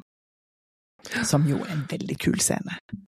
Ja, veldig, veldig. Det er jo nøyaktig veldig det samme som vi har sett skje med Louis, men hun er Det er jo fordi at hun er et lite barn, så liksom det blir ekstra sterkt med den her kraften i, i sugingen hennes Mm. som, uh, av blodet til Lestat. Ja. Som er er så, så sterk at han må liksom kaste henne vekk fordi han, hun holder på å ta, ta knekket på han. Ja, og, og, og i det øyeblikket han har klart å rive løse seg om Jeg vil ha mer. Ja. Og det er liksom åh, Det er jo veldig Ja. skrekk, eh, skrekkinngytende, det der eh. Det sultne barnet som, Ja, ja det det. som har gått over, liksom. Å, det er veldig ekkelt. Og her er jo liksom Listat sin unnskyldning for dette, eller kan du at han mener det òg, er jo som du sa i sted, at eh, Louis trenger en, en um, Hva er det han kaller det for noe? Liksom en følgesvenn som, som er snillere enn meg, eller som er Ja. liksom greiere, eller mer Mm. compliant, eller hva det nå er. Ja. Eh, men de har jo ikke bargain for at dette barnet, som jo ikke er blitt gammelt nok til å ha fått så mye moral og sperrer og, og eh, empati, Ja. er jo ikke smart å gjøre til en vampyr. Nei, det, Nei. det skal det vise seg. Men veldig underholdende. Veldig gøy. Det er liksom, da dette er filmens går- høydepunkt. Ja, altså det er fantastisk. Og når hun eh, da går over til the dark side her og får disse nydelige krøllene, som Ja. Shirley Temple-krøller og For det er et eller annet som skjer. Hun liksom ligger der død på, Ja. på gulvet, og så ser vi da at krøllene hennes blir Det blir sånn no frizz hair day, fordi de blir sånn perfekte, blanke kork, korketrekkere. Nydelige krøller. Veldig, og hun blir sånn dokkeaktig i ansiktet. Ja. Der hun før Også, var liksom litt stusslig og, og skitten. Og i det øyeblikket eh, hun sier 'jeg vil ha mer', så sier jeg lyst til at ja, selvfølgelig vil du det. Hun ringer umiddelbart på hushjelpen. Her kommer mer. Og så lærer han henne da, at det er nå vi får vite dette, at du må liksom slutte å drikke før eh, hjertet slutter å slå. Fordi at da blir det på en måte giftig, eh, det blodet som, som er Det i den tenkte jeg på. Hvordan vet Altså, det er jo en veldig ja, Kanskje de vet det som vampyr. Jeg har jo aldri drukket blodet til noen, så det kanskje man merker det. Men det hørtes for meg vanskelig ut å vite akkurat når det punktet er. Nei, men tror du ikke at altså de, med, de, med de dyriske eh, evnene de har til å Mhm. se og tenker de merker det, at de hører liksom hjertet. For vi har jo hørt Louis sitt Ja, er hjerte i, mm. i eh, om forvandlingen, og he, Det er vi hører det. også hennes på samme måte. Ja. At det slår er fortere og fortere, og så liksom dabber det hen. Mm. Så de har nok, de har nok eh, fingeren på pulsen, bokstavelig talt. Men dette er jo viktig info til seinere. Ja, det er det. Men her er det jo også en sånn creepy trekant som er jo litt sånn forvansket av at Claudia er ti år gammel, selvfølgelig. Ja. Men eh, når hun driver suger på den der hushjelpen, eh, så ser Lestat på henne helt sånn ekstatisk. Hun ser på Louis, eh, holder blikket hans mens hun gjør det, og han også holder hennes, men det er en sånn creepy trekant, firkant, da, blir dette. Ja. Eh, em, som er Altså det perverterte forholdet mellom de tre jeg settes jo her nå, og den nå de, de, altså de er bundet sammen av så mye vanskelige følelser, og alt dette sexy som bare ruller og går der. Som jo Ja. blir Claudia sitt problem etter hvert fordi, fordi hun er et barn. Ja, på en, på en, På en annen si? måte. Ja, på en annen måte. På en annen type Mm. seksualitet. Men, eh, men de, de- det er jo òg her de snakker om at de er en familie. Nå er vi endelig en Mm. familie, nå har vi en datter, sier, Ja. sier de to. Mm. Eh, som jo er pikant, å liksom inn i alt den sexen. Det er litt pikant, fordi at det, det liksom var rett etter denne scenen her som er vanskelig som å se som noe annet enn seksualisert, liksom. Altså, den er Ja. så eller, Det er mulig at det er meg det er noe galt i, men det er alltid noe veldig sexy med vampyrer. Bortsett fra da Bram Stoker. Absolutt. Absolutt. Eh, det, det tenker jeg at det må man, eh, det må man ta for gitt. At Mm. sånn er det tenkt til å være. Men jeg tenker jo òg at, det- at det at de på en måte snakker om det som en familie, det er òg en måte å liksom ta det ned til noe annet på. Ja. Og liksom forankre det i en eller annen form for eh, en annen idéverden enn en, enn- enn bare seksualiteten. Mm. Men det er jo, det er jo blandingen her som er foruroligende og, og Ja. Men det er det som er så fint, syns jeg. Altså, den driver altså Den Ja. ligger på sånn ubehagelig Eller Ja. den, den, den går ikke så rett på. Selv for en film som går så rett på og liksom skal lede deg alle veier, så, så har han den tonen av sånn ubehag. Ja, ja, den er både Um, grenseoverskridende og subtil på den måten, og det, det Mm. funker kjempefint her. Det er Mhm. kjempefint. Og her sier jo også Lestat til henne når han sier 'nå er du vår datter'. Louis ville dra fra oss, men ikke nå lenger. Han skal bli her for å gjøre deg lykkelig. Ja. Sånn at det er jo Altså, han ljuger jo når han sier at ja, men det var, det var du som trengte en eh, kompanjong. Nei, det var jeg som trengte at du ikke skulle dra. Nettopp. Så, men men det, det har han jo nå inni sitt eget hode da kamuflert som at det var helt sånn uselvisk handling. Ja. Han er Ja, ja. Lestat. Ja, de, og de har en rar dynamikk, Louis og Lestat her. Det, Ja. det er hevet over enhver tvil. Og nå er vi tilbake igjen eh, til Christian Slater igjen, som må jo bytte teip, selvfølgelig. Han har sikkert byttet opp til teiper allerede. For det er, jeg tror det er bare vanlige kassetter, for seinere så spiller han jo det i bilen. Mhm. Så det vil jeg tro at det er. Så det er 60, Ja. eller maks 90 minutter, da. Det vet vi. så dette er jo liksom kunnskap vi Altså, når han sitter og fipler med den der båndopptakeren Det er det det heter. Båndopptaker heter det. Eh, så, så kjenner jeg i fingrene liksom avstanden mellom På playrek. record og play, play og følelsen av å trykke de ned sam, samtidig på eh, Ja, det er veldig. Det er veldig uh, tidsavhengig følelse. ja, det er det, altså. Men nå begynner det å bli Eh, vanskelig for Claudia. Eller først har hun jo Mm. en fest. Hun dreper jo eh, folk hele tiden. Hun skal få seg ny kjole, drepe, drepe syersken. Så liksom Disse to gutta er jo fortvilt over at hun har jo ingen beherskelse. Og alle som har hengt med en unge. Gang på gang. What have I told you, Claudia? Not in the house. Not in the house. Pianolæreren rykker til. Hvem skal sy denne kjolen nå, liksom? Altså, dette er så innmari vittig. Ja. Og så er det en sånn rørende scene der uh, uh, Louis forteller i voiceover at eh, i begynnelsen så sov hun i hans kiste, og hun fikk Ja. etter hvert sin egen, men når hun våkna om morgenen, så kommer hun likevel opp i hans, og så ligger de i skje med en bamse. Ja. At hun tripper seg forbi sollyset for å ikke treffe det, og komme ned i hans kiste på morgenen. Det er Ja. veldig fint. Det er jo Det er veldig veldig familieidyll. Mm. Ja. Med litt eh, groteske mord. Pepra Ja, inn. ja, ja, ja. Nei, det er veldig eh, gøy. eh, sånn drap og drap og drap her. Ja. Eh, men eh, Og så sier Louis igjen i voiceover der at for meg var hun et barn, for Lestate var hun en elev med samme drapslyst som han selv. Liksom. Ja. Sånn at hans entusiasme for dette barnet med den gaven Og det er klart at det hun kan jo gjøre så mye sånn gøyalt komme unna med alt mulig og sitte og late som hun er, har gått seg bort. Ja. Kommer noen for å hjelpe. Boff. Ja. Vekk med deg. De drepte en hel familie sammen. Så selv Statoil Stat og Claudia hjemme hos en nydelig familie. Og, og to sekunder etterpå blir hun båret Ja. hun blir båret ut åtte kister. Ja. Så de er to toalene av samme stykke. Det er jo flaks fordi at det er 1700-tallet at man bare kan si sånn nei, de fikk vel pest, da. Det var vel meslinger, da. Og, Ja. Det var, det var mye død. folk som strøyk med. ja, det er akkurat det. Så det gjør det jo enklere å være vampyr før noen begynner med å stille for mye spørsmål. Helt klart. Nei, det er gøy. Og, og, og, så, og så kommer jo moderniteten etter hvert her, og tar de sånn at dampbåtene kommer til over for seilskuten, og du sier Louis at det, det kommer en hel meny av deilige fremmede til byen. Ja. Og da eh, viser det seg at i, altså, han har åpenbart bare gitt opp på dette tidspunktet, og eh, rottemenyen er off, liksom. Nå har han Ja, begynt ja, å nå er Han jo familiefar. Mm. Ja. ja, at den dårlige samvittigheten har han bare sluppet. Han har vel Mm. kanskje på en eller annen måte eh, Bruker vel Claudia da for å Som et sånt anker for menneskeheten Ja. hans. At det er liksom et annet fokus enn den dårlige samvittigheten. Ja, jeg er i hvert fall snill med henne, da, antageligvis, eller passer på den pappa-tingen. Ja. Og det barnet han mistet i start, eller ikke sant, før filmen Ja. starter. Og ja, det er veldig gøy, for her kommer det så mye folk, og Lestat er altså så misfornøyd, for han liker ikke jenkier. Han vil bare ha kreolsk blod. Han syns jenkier er deres demokratiske sinnelag, eh, forpester blodet deres. Ja, fordi at nå blir, nå blir jo da New Orleans en del av USA. Mm. Og da. Jeg har ikke slått opp historien her, men nå er vi jo godt inn på 1800-tallet, så klart, siden, Mm. eh, Mm. siden det er dampmaskiner hit og dit.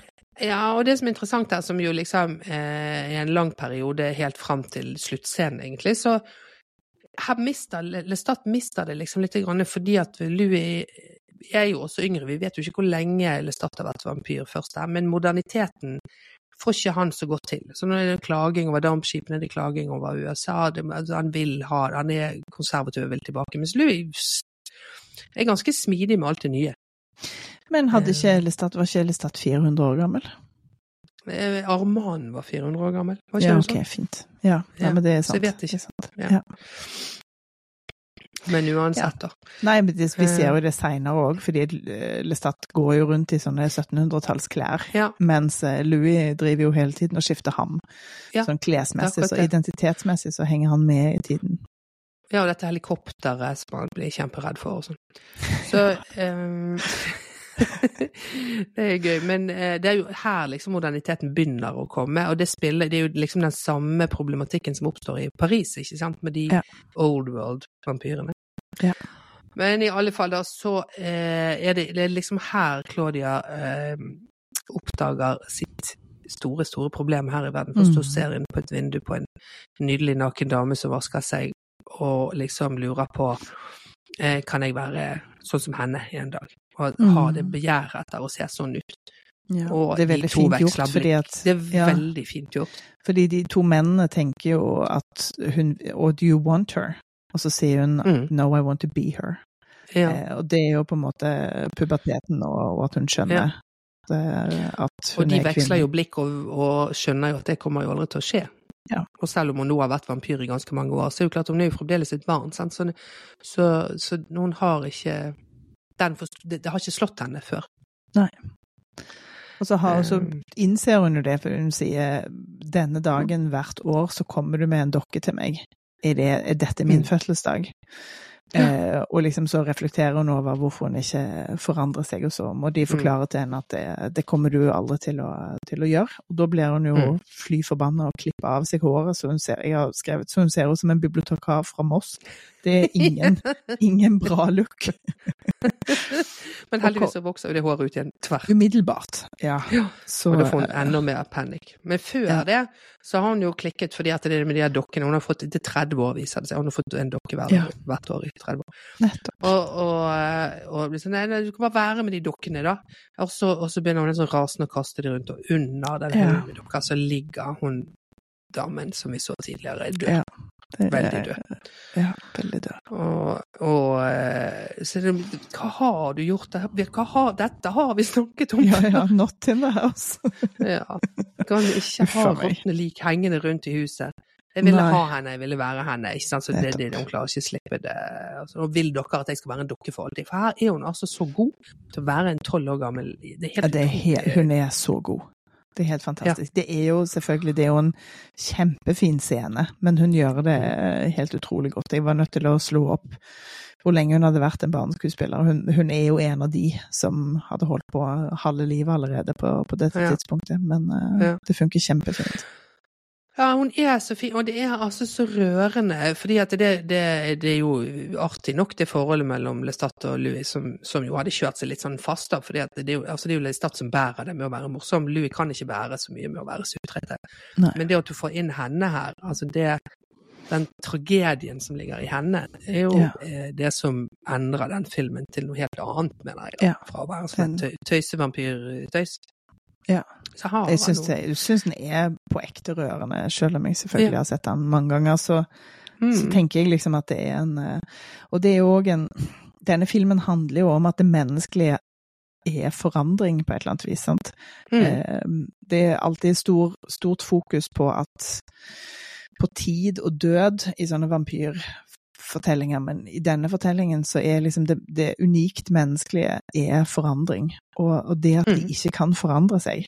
Eh, og der er jo Louis den som skiller seg litt, fordi at han faktisk, han faktisk har en slags eh, forandringsevne, da. Og det er på en måte Mm. kanskje det som er hans dark gift og hans menneskelighet, på et eller annet Ja. vis. Det kan du si. Jeg vet ikke. At han tilpasser seg den verden han lever i, og så går- bare går han rundt og er deprimert, uansett hva slags århundre det er. Men han klarer å tilpasse seg århundrene greit, og kle på seg Ja. ordentlig og sånn. Ja, ja, og det sier jo Armand seinere senere til han at det er din oppgave, det er å tilpasse deg til eh, Så kanskje Mm. det er hans dark gift på den måten. Det blir ikke Ja. sagt på den, på den måten allikevel, men jeg vet ikke. Og her kommer det jo liksom til head, og det som er med Claudia, er jo at hun har jo liksom veldig mye sånn handlingsevne. For her er Ja. hun så rasende, hun vil ha svaret på hvem av dere var det som gjorde det, hva var Ja. det som skjedde. Først så går hun etter Lestat som ikke vil svare henne ordentlig, og han, hører, han er så forbanna over at det er råttent lik i huset at han klarer ikke å høre ordentlig etter hva det er hun spør om og hva hun sier. Altså han, han er helt fastlåst i at vi kan ikke ha det så rotete her. Det er jo det er veldig gøy. Um, og, mens hennes For hun er jo da seinere til festen enn en Louie var. Men sånn, hvorfor gjorde du dette med meg? Og Ja. Louie var jo i hvert fall voksen. Kunne jo hatt litt mer vett til å spørre ja, hva er det du ber meg Ja. om å bli med på. Hun har jo aldri hatt noe valg. Nei, hun var jo et barn. Ja. Ja. Uh, og så går hun ut til Louie, som forklarer Og da, dette som du sier, da, for den peker på en gammel dame nede på gaten og sier Ser du henne, du kommer aldri til å bli gammel, du kommer aldri til å dø. Mm. Eh, men det betyr, Og så sier Claudia som Halls i Maraton og sier men det betyr jo også at jeg ikke blir voksen. Ja. Mm. Det betyr. Eh, og så vil hun vite hvordan hun ble dette. Og Louis tar hun med tilbake til det skuret der de fant henne den gangen. Mm. Eh, og forteller også at det var han som først beit henne. Så jeg hater dere begge. Ja.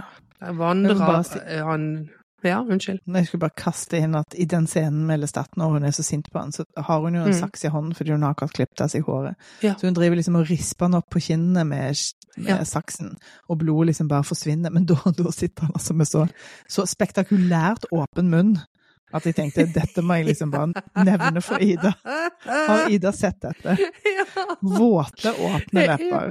Ha, det er altså så mye bruk av lipgloss her. Og det er også i den Jeg tror jeg har et notat om det her med um, i, i, Når de er i denne der eh, Der som, som de fant henne første gangen der. Der òg står Ja. Louis og er deprimert i en krok med ekstremt mye lipgloss. Men det er ingen Altså, sånn tygging av strå. Nei, så han har jo evnen til å liksom bruke munnen sin. han på driver med måter. dette. Ja. Og her er det altså, altså Her lo jeg så godt, eh, fordi at eh, hun og hun bare sier 'jeg hater dere', og så forsvinner hun av gårde. Og Louis Ja. går deprimert rundt i gatene, eh, sikkert uten å spise rotter da, da. Men, og så kommer han hjem der de bor og kjempedepper. Og så, og så har han blod på skjorten og på munnen. Bare helt sånn uten at det gjør egentlig eh, Det blir ikke noe mer snakk om det. Du bare er Det var så subtilt og fint. Da har han godt av å være deprimert når han har spist underveis. Ja. Han er så sånn Nei, skal jeg gå innom McDonald's, da. Ja, nemlig. Tatt seg en burger. er sånn depresjonsspising. ja. Og så kommer han jo hjem til jeg Lestat som er sånn Nei, men skal vi ikke ta Skal vi skaffe en unge til? Ja. Så på Ja, en det er måte, det. det er jo et veldig sånn typisk relasjonsdrama òg mellom de, sant. Litt det her at Ja, ja. nå fikk vi den ungen så du ikke skulle stikke av, og nå la oss få en unge til. Man har jo, man har jo sett det i familiene. og- Ja. Ja, Så det er, veldig, det en veldig det er dårlig idé. Mange har de. Ja. Nei, og så eh, gjør Claudia for så vidt opp med Louis og sier 'jeg kan ikke være sint på deg', eh, men det er en tid for å avslutte dette, vi er nødt til å forlate han. Ja. Og Louis sier 'han vil ikke la oss gå'. Og der, liksom, men hvis Louis hadde gått altså, Hvor mye kunne Lestat holdt han igjen, da, sånn egentlig? Han kunne vel ja, jaget etter de, liksom. Så på den måten vært Mm. litt slitsom. Som bare han jo hengt på som en sånn Ja, ja. klegg, liksom. Som Ja. en sånn gøyal dansefar. Ja, Som og her, krever samvær annenhver uke. ja. Men her er, viser jo også Claudia sin, eh, in, sine infame sider. Ja. Dette er bra, altså. Dette er veldig bra Eh, tenkt, for her prøver hun, ja, for her skal hun liksom egle seg inn på Lestat og bli venner med han igjen. Mm. Og, og ja, men, nei, men kan ikke vi være venner, og jeg har en gave til deg. Og, og, og sier kom her, og så går jeg inn i sofaen, og der ligger det et nydelig tvillingpar med de nydeligste krøller. To gutter på Blonde krøller. Ja. Ja. De er kanskje ti år, de òg. De er på hennes alder. Ja, og de ligger i en sofa. Hun sier at eh, jeg skjenket de fulle, men det, jeg har ikke rørt de, de til deg, liksom. Ja. Jo, jeg lover jeg skal bli kvitt likene. Så Ja. det liksom skal hun ikke rote heller denne gangen. Nei, nei. Og, Dette har hun tenkt på. For da ser jeg jo start på henne med et sånt blikk og tenker å, skal jeg stole på dette? Eh, Ligger du litt i det blikket? Og så sier han Men så blir han helt sånn åpen, og det er der Tom Cruise er god, altså. For han bytter det, Du kan lese han veldig godt. Ja. Og så er han liksom helt åpen i blikket og sier har vi tillit hverandre? Ja, det har vi. ja. Og han spiser i vei. De forgiftede guttene. ja. Det, Fordi hun har gitt seg. laudanum. Hva er det for noe, da? ja, altså, jeg trodde at det var et ord for opium. Jeg hadde ikke tid til å slå det opp. Nei. Eller sånn morfin altså sånn Du har et bedøvelsesmiddel som, som gjør at de dør. Hun har gitt dem så mye at de har dødd, men, men eh, middelet holder blodet varmt. ja, Så Så han han, har ikke merket at det er dødt blod. Nettopp. Og da ser vi hva som skjer hvis man drikker dødt Ja. blod, fordi at da blir han umiddelbart mye svakere og blør altså utover hele gulvet. Veldig Mm. spektakulært. Det er veldig spektakulært, for hun kutter jo halsen på han òg. Og det er jo Ja, det, det som vi har sett akkurat ja, så for det, det vi har sett rett før der, er jo at når hun gjør de kuttene på kinnet hans, så bare lukker det seg med en gang. Mm. Men det er vel det, da, med det døde blodet, at det da er plutselig eh, blodet ditt en annen konsistens mm, i dette universet. Ja. Og det bare blør og det blør og det blør og det blør. Og det blir så masse. Og hva er det med Ja. blod som er så sexy? Det er jo Det er veldig veldig det klarer, Jeg klarer ikke å forklare det. Nei. Men, eh, men det er veldig sexy. Husker du i Blade når de ja. Helt i starten der, med, ja, når de er inne på eh, sånn diskotek, så Ja. sprinkleranlegget har, Ja. har blod i seg, så alle vampyrene kan drikke. Det Ja, ja, er fabelaktig. De hadde sånn samlebånd i Buffy en gang, husker jeg. Det var ikke så sexy, men de skulle, de, de skulle industrialisere blodproduksjonen. Ja. At de kunne tømme Det er han, The Dark Master. Det er ikke sesong én, da? Jo, det er helt i begynnelsen. Ja, Ja, det er helt i begynnelsen. Det er veldig. Men Nei, det eh, her eh, Og han blir jo også sånn gammel, altså han blir jo helt sånn skjelett. Ja, ja. Eh, Så de tror jo her at han er død. Ja. Her er de litt dumme. Ja, de er litt Ja, dumme, de det får man sumpen. si. Dette Ja. er jo, må jeg si, altså dette er så seriemorderaktig, fordi at de der sumpene det finnes, så det, Hvor mange sånne true crime-serier som finnes Mm. nede? Nei, da fant vi et lik, og han kastet henne Altså, det, de der sumpene der. Ja. Fysj. Der må det være en del. ha hvis du trenger å bli kvitt et lik, så er det jo klart de krokodillene er jo Ja. hjelp i. Men det som er da, de kaster, han ligger i en sekk, og de kaster han ut i vannet, og så er den sekken på vei ned, og så bobler det opp masse blod. Her tenker jeg at for mennesker som omgås blod så mye, så burde de ha tenkt at dette er ikke det som ville skjedd. For nå har jeg sett filmen nok ganger til at jeg vet at han spiser de krokodillene. Og får masse styrke. Men rent sånn Ja. praktisk sett, at det skulle komme så mye blod opp av vannet der, Ja. da var de litt dumme. Men de er ja, jo det litt var litt dumme. dumt, det var det. Så de er jo litt kørka, de to. Um, De vil jo bare av gårde. De skal jo til Europa, har de bestemt seg for. ja. Mm. Men før de får reist. Claudia-. Ja, men Claudia driver jo her også og researcher masse Ja. på biblioteket hele tiden og for å finne, eh, og er helt besatt av å finne andre. Så det er jo de Ja. europeiske mytene som gir mening, selvfølgelig. Så de skal til Europa for å finne andre vampyrer. Mm. Men før de rekker det, de er i et sånt hus med masse sånne laken over møblene, så man skjønner jo liksom at de holder på å pakke Altså, de har jo bare leid den leiligheten, så hvorfor de driver og kaver med de lakenene, vet ikke. Men de er jo veldig opptatt av at, at det skal være ryddig og rent, da. Eh, men da kommer altså Lestat tilbake, og Mm. han er ikke død, og han, men han ser jo ikke bra ut. Nei. Nei. Han har vært i sumpen og drukket alligatorblod, men ser ut som et levende lik. Mm. Han ser enda um, bedre ut enn uh, Gary Oldman fra Bram Stokers, men Frem, fremdeles ti ganger bedre enn han. Ja, absolutt. Eh, og så sier han Claudia, you've been a very, very, very naughty girl. så han er fremdeles liksom Han er seg sjøl her, da. Veldig. ja. Og han går til angrep på dem, eh, men han er jo fremdeles svak nok til at de andre klarer Sånn at eh, Louis klarer jo å få satt fyr på han. Ja. Og hele huset in the process, alle lakenene og alt. Så Ja. de to løper av gårde, og her blir det full eh, brann, og det kommer en brannbil. Hele byen tar fyr. Hele byen tar fyr. Ja. Og de løper og løper og rekker akkurat denne båten som skal til Europa. Yes. De bare står og ser på flammene mens de forlater. Ja. Og da da tror jeg at de, er, at de er fri, så klart. Ja. Og nå er vi plutselig i 1870-tallets Paris, Mm. og eh, Louis sier at han lette og lette etter vampyrer, men fant, eh, fant ingen, helt til han selv Mm. ble funnet. Ja. Han blir da altså funnet av den mest enerverende vampyren. Altså, ja, en vampyrmenneske, uansett hva det hadde vært. Altså, mimeartisten fra Ja. helvete. Mimeartist som ikke kan dø. Det er faen ikke lov, altså. Santiago, spilt av eh, Ja. Jeffrey Rush, på en, på en Altså, tre sekunder inn. Han driver og danser på taket og er litt sånn ja, mimete, som du sier. Ja. Eh, og han er da kompisen til, eh, eller egentlig hjelperen til eh, Antonio Banderas eh, Armand, som da dukker opp. I en rød sånn veldig flagre. sexy. Ja. Er Nervøs fløyelskappe. Skarlagens rød. Altså Han har litt dumt hår. ja, Han det, også. Mm, det, han er litt sånn frizzy hår. Han har jo òg veldig langt eh, Mm. og tjukt hår. Ser ut som hans eget. Eh, men men ha, det har en frizzy karakter som er uattraktiv, kan man si. Veldig. Men Hvorfor fikk ikke er- han sånne korketrekkere som Claudia Ja. fikk? Ja, Det var Veldig dumt at han fikk det håret, men det fikk han. Ja. Og han er sånn åpenbart veldig eh, sjefen her. Sånn Ja. dumme Hva, hva, heter han? Santiago? Jeg har bare Santiago. referert Santiago.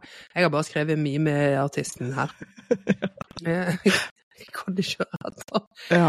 Og da blir eh, også når Armand her kommer eh, og snakker til Louis, Louis ja, blir han får han et kort der det står en invitasjon til teater de vampyr. vampyr. Jeg kan ikke fransk. Ja. Em, og ta med deg den lille skjønnheten. Ja. Så de har jo åpenbart visst at de var der hele tiden og overvåket de, liksom. Det her Ja. er det gått rykter i byen om at det er nye vampyrer. Ja. Det er ingen som vil skade dere, og husk mitt navn. Ormo. Armand. Ja, de er jo en teatertrupp, og eh, teatertrupper er jo per definisjon mest- irriterende. Altså, mest hatefulle teateret Én ting er at du kan dø der, men det er liksom helt saken uvedkommende. Det, det å sitte gjennom de teaterstykkene har jo vært ille nok i levende Ja. livet. Altså, noe så grusomt avantgarde. Claudia elsker det. Oh, how avantgarde. Ja, ja, ja. Men det er jo òg fordi at det er sånn Det er vampires pretending to be humans pretending to be vampires. Fordi at Ja. det er jo da liksom et Det er jo sånn fransk borgerlighet som går og ser på disse stykkene, som jo da er Som handler om vampyrer. Mm. Ja. Eh, og så dreper de eh, stakkars mennesker på scenen, Ja. som så klart publikum tror er skuespill. Ja, det, alt den biten der er jo veldig avantgarde og litt gøyal og sånn, men, men stykkene er jo så grusomme. Det, eh, men altså, teater på, på 1800-tallet, det, det var jo veldig tydelig, alt sammen. Ja. Så- Hele denne truppen er jo irriterende, men det er klart det kommer jo frem etter hvert fordi at eh, eh, når de eh, er ferdig med dette stykket, så får de en sånn omvisning nede i krypten under der, så det viser seg at de måler katakomber, er det da, for det er lag på lag, sånn etasjevis kisteaktig. Og masse kister på gulvet òg, at det er her de bor, liksom. Så at Ja. i den gamle verden så er de litt mer gamle vampyrer. Samtidig som de har denne truppen, og de går ikke rundt og roter på kirkegårdene. Um, men det livet vi har sett Louis og Lestat leve i, disse store leilighetene og fri tilgang på både tjenerskap og mat og For jeg ser for meg at de, de, for at ikke de skal bli oppdaget i de tette, gamle europeiske byene, Mm. at disse teaterstykkene er Altså, det, det, der klarer de å kamuflere det. Mm. Det Og for at når de kommer ned også i den katakomben, så drar jo han Arman frem en liten gutt til Louis og sier 'bare drikk'. Og han er Mm. åpenbart den som alle drikker av, for han har sår alle steder. Ja, ja. Så det er veldig vittig når Louis, Louis prøver å finne sånn urørt. Han har sånn vemmelse i blikket, for han har fått sånn allerede spyttet på mat. Han har ikke noe lyst! Men der, de har jo åpenbart mye mer kontroll, da. Og det er kanskje òg fordi at Arman er 400 år gammel, sant. Ennå her så er jo ikke Louis mer enn 100 år, sånn rundt regna. Mm. Um, så det er kanskje det at de har så mye kontroll at de klarer liksom å, å drikke av denne, av denne gutten som en eh, Ja. som et Det kan du si. matfat. Ja. Mm. Og det er jo mye klokere og- så klart enn å gå rundt og drepe hele tiden. Ja, ja, ja absolutt. Kjempesmart. Men jeg tenker det er også en dyd av nødvendighet at de hadde blitt oppdaget og eh, ja, drept. Det er jo ikke så lett å drepe dem, men det går jo. Eh, Og da er Armand her veldig tidlig på å si at her er vi to, vampyr, to vampyrer fra den nye verden som har kommet for å guide oss inn i en ny tid. At Ja. alt vi kjenner forvitrer og dør, liksom. Han, han er jo inne på det flere ganger, at de, treng, de har bare blitt for dekadente og ubrukelige, og de trenger å guides inn i eh, moderniteten. Ja, og det er Louis Eh, sin og- eh, rolle. Mm. Ja. Det er i hvert fall den Arman vil at han skal ta. Ja. Eh, og Louis er, her er jo litt sånn Han tror at Arman kan gi han svaret på alt han lurer på, men han lurer jo bare på Gud og djevelen og ondskap og gode ting som han bare får litt sånn dårlig svar på. Arman sier òg at han Det vet ikke han noe om. Nei. Alt det der har jeg ikke tatt noen notater fra, for det syns jeg var litt kjedelig. Ja, det er kjempekjedelig, for det har ikke noe mening fordi at Louis sine spørsmål får ikke noe svar. Eh, og det er igjen tilbake til det som Lestat sa, at ja, men vi, vi er det vi er, Ja. og vi, vi, da lever vi liksom med det, da. ja, ja. Og Louis er sånn Ja, men du er jo lederen her, og Armand er sånn utrolig eh, irriterende teaterfyr med sånn kollektivt eh, syn på livet. Han bare 'Leder? Jeg er ikke noen leder!' bare, Å, herregud, du Men er hvis jeg hadde år hatt en leder, så hadde det vært meg. Ja. Ekstremt teateraktig. Veldig teateraktig. Men tenk, han er 400 år gammel. Tenk så mange sånne TikTok-greier han har måttet lære seg. Sånn i løpet Ja. av de 400 årene. Så han har jo blitt sliten. Det gikk jo saktere Ja. med sånne TikTok-greier. Det gikk saktere, men 400 år er jo lenge. Ja, ja. Du skal gjennom en del. Ja, industrielle revolusjonen, liksom. Tenker Ja. at det var litt TikTok-aktig. At det plutselig bare Nå kan vi reise Kommer med tog. Ja, det et møllehjul.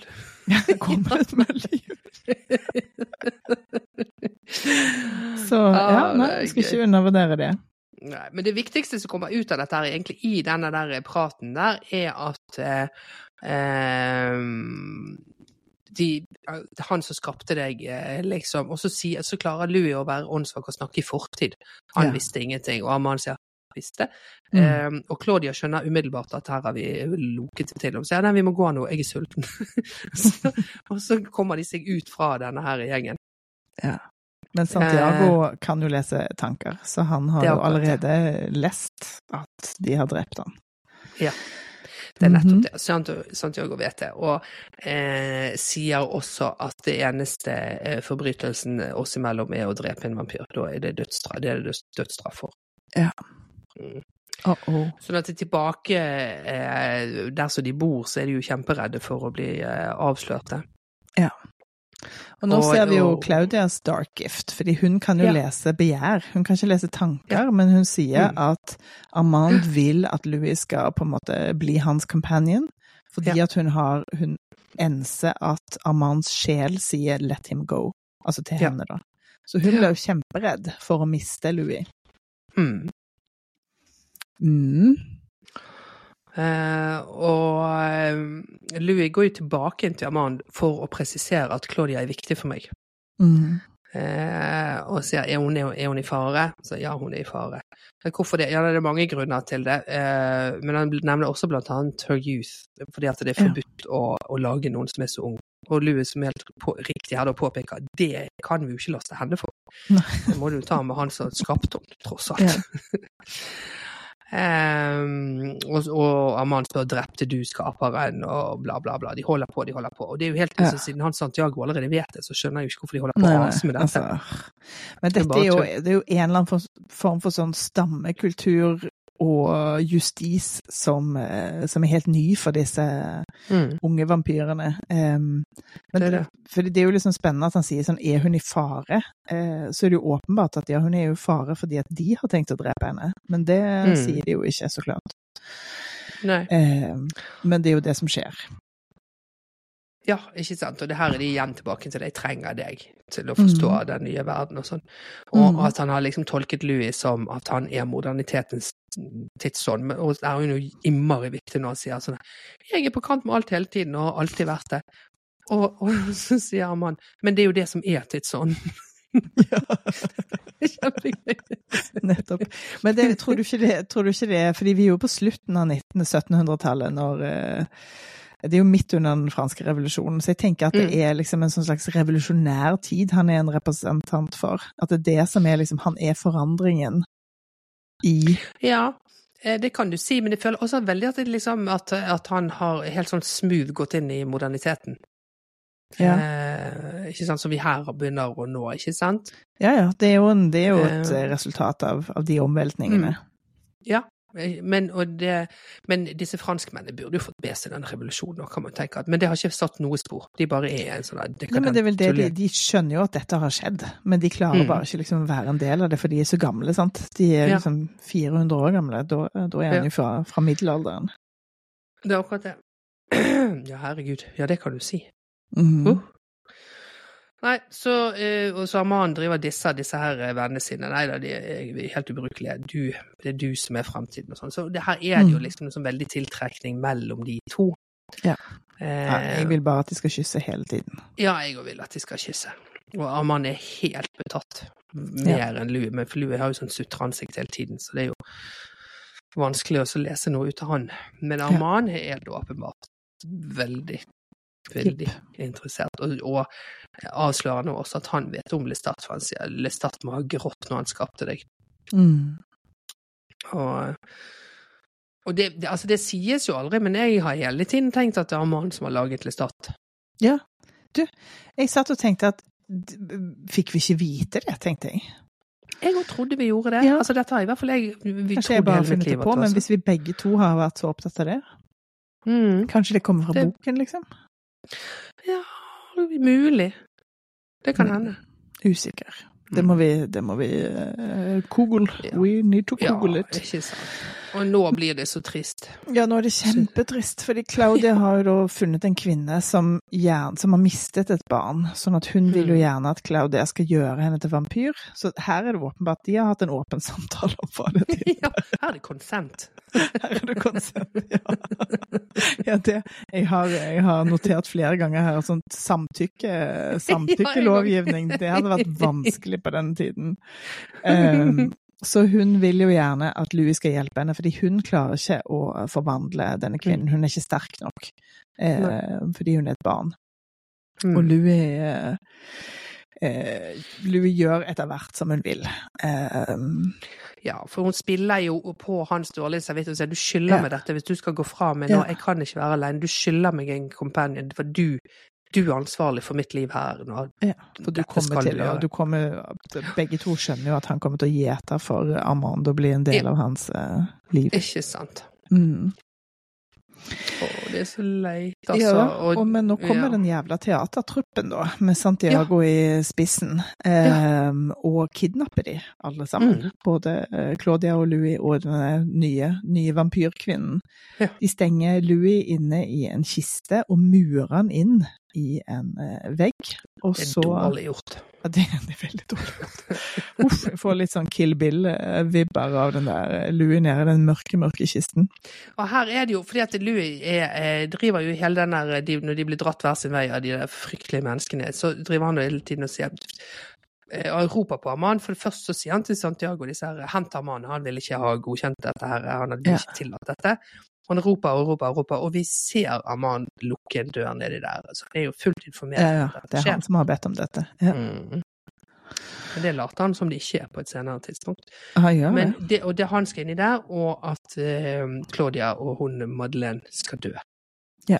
Og de dør jo på så fryktelig vis, og det er så vakkert. Forferdelig. Ja, det er kjempefint og forferdelig. Det er òg en av de sånn- tingene jeg husker veldig veldig Ja. godt fra filmen. Fordi Ja. de sperres inne i en slags eh, tårn, eller en slags Det ser ut som en silo. Brønn, liksom. Ja, Ja, en slags, ja, kanskje. Ja, en slags silobrønn. Eh, med et eh, med åpent tak, sånn at når, eh, når solen står opp og, eh, Mm. og treffer innholdet i, eller treffer bunnen av, av denne brønnen, så, så brenner de opp sammen. I sånn, som Og det, Mm. Det har så veldig mye sånn gjenklang i uh, Man har sett sånne bilder fra Pompeii, og at Ja. altså, folk som liksom har holdt rundt hverandre når de har, eh, Mm. når de har dødd. Det er Ja. veldig gripende, syns jeg. Ja, det syns jeg òg. Og så blir de bare til sånn støv, og de sitter i og er støv og holder rundt hverandre. Helt Ja. til lue kommer, for dette Arman kommer jo og graver ut lue ut av veggen. Ja, liksom, veldig upraktisk, Og tro- men han skulle ja, vel bare ut av veien først, da. Ja, det er jo det som er og nei, Nå skal vi to være sammen, men, mens uh, Louis er bare sånn Hvor er Claudia? Hvor er Claudia? Så nei, det er for seint å redde henne. Og det bryr han seg ikke noe om. Og kommer dit og ser disse to. Og tar på, og så bare forvitrer de støv. Det er veldig trist. Veldig trist. Ja. Ja. Og så er vi i 94 igjen, fordi han forteller jo dette til Christian Slaters journalist, Mhm. og gråter ved minnet. Så han er jo Mhm. også en vampyr som, eh, 100 år Mm. senere gråter av, eh, Ja. Av minnet om dette. Mm. Eh, ja, og så forteller han om hevnen som han da tok. Eh, Å, den er fin. den er veldig fin. Han eh, går ned i denne krypten. Endelig, ja. Og det må jo være alkohol han driver og liksom slår Ja, det over lurte jeg òg på. Konjakk eller et eller annet. Kanskje. Ja, kanskje alkohol. Ja, det ser, det ser bare så veldig sånn, for det er på tønner og liksom, men i hvert fall det er noe som er Mm, brennbart. Som han, ja, eh.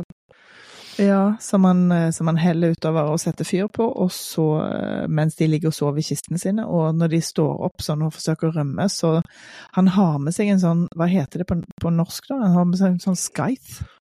Sånn eh, eh, ljå. En slags ljå, ja. Og det minner Mm. meg om fra Buffy Willow Ja. Som sier 'Scythe matters'. Ja. En av, en av de mange, mange gode vitsene fra, fra det universet.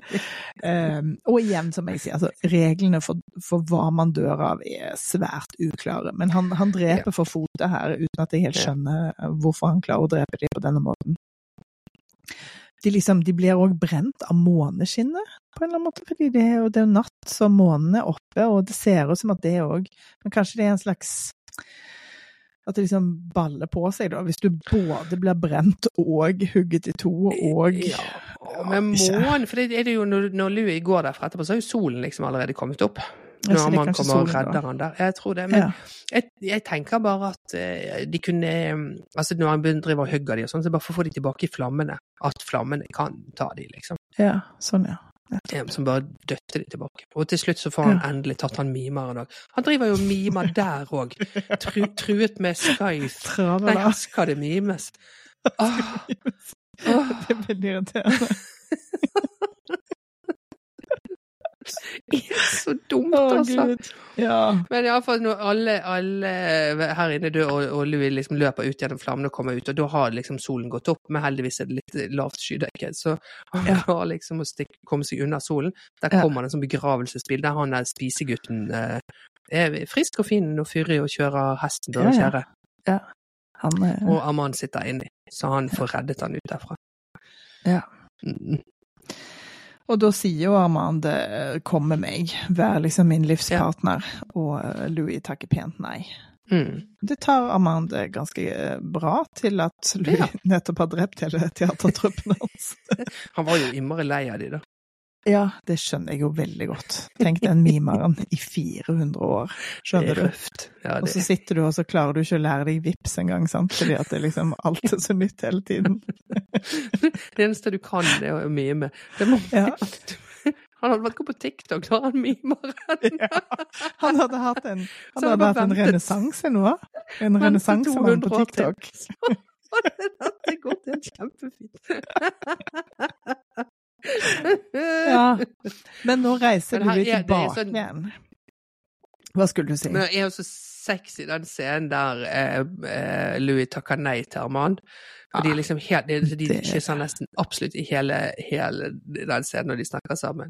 Ja. Og, og Louis anerkjenner det jo også og sier at jeg er, er, er, muligens fristet til dette, men jeg må eh, dessverre avslå.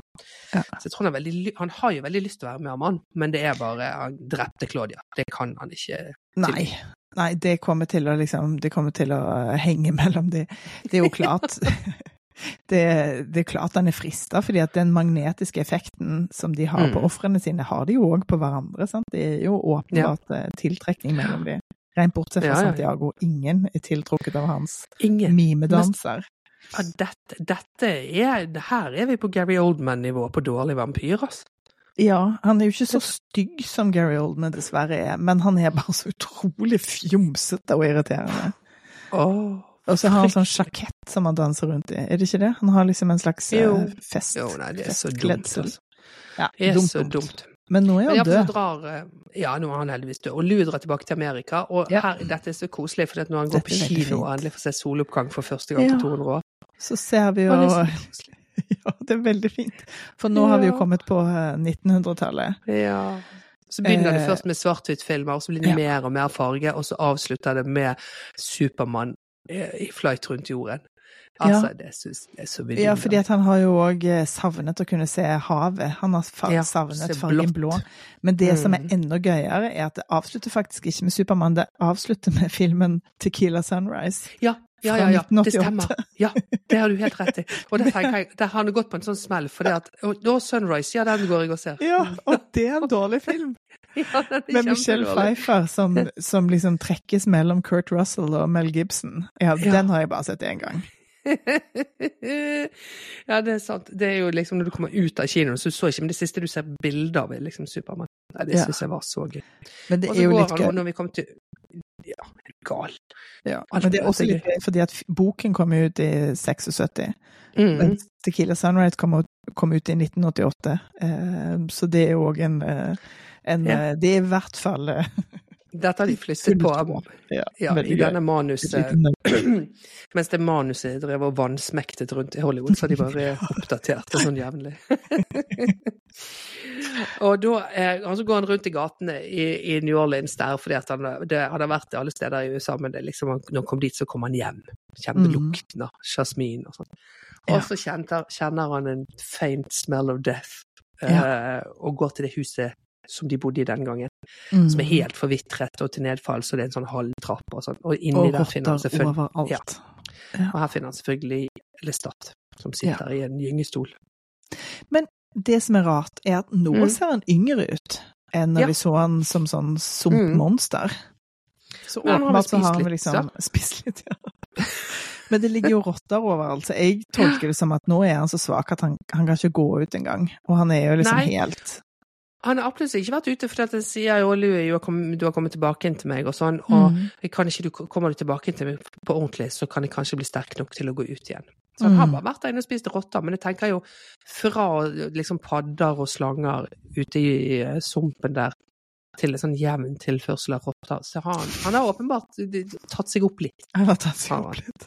Men han er jo veldig Han er jo, han er jo fortutlet. Han sitter der i liksom 1700-tallsklærne sine og ser det sånn skitten ut, og så kommer det et helikopter flyvende forbi som skremmer vettet av han med lysene, og det er jo da 1988, skjønner vi, siden han har sett Tequila Sunrise på, kino for to sekunder siden.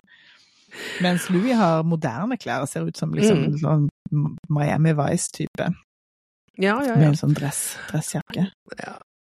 Og, og Lou er veldig sånn snill med han, og mild med han, og, og liksom og, og til og med drar litt på smilebåndet og sånn når de snakker Ja. om gamle dager. De har et sånn moment av eh, nostalgi. Ja. Og så sier han nei, jeg må, jeg må gå. Eh, det, så da, da bare forlater han han der. Og Ja. når vi kommer nå tilbake til, til eh, nåtiden, så sier han til Christian Slater at jeg vet ikke hva som skjedde med Lestat. Ja. Jeg går ut hver kveld og feeds on those I meet. Ja. Ja. Så han er liksom tilbake til, til, eh, til det Og her skjer jo det som man selvfølgelig kunne vente skulle skje, da. Han sier jeg er uforanderlig, jeg er tom, og Christian Slater er du helt gal, dette er jo fantastisk, altså hva jeg ville gitt for å være sånn som deg. Og, eh, og Louis prøver også å snakke han fra det og prøver å skremme han og sånn, og da eh, men Det er helt fantastisk, og til slutt så eh, skremmer han sånn at eh, han rett og slett bare er borte.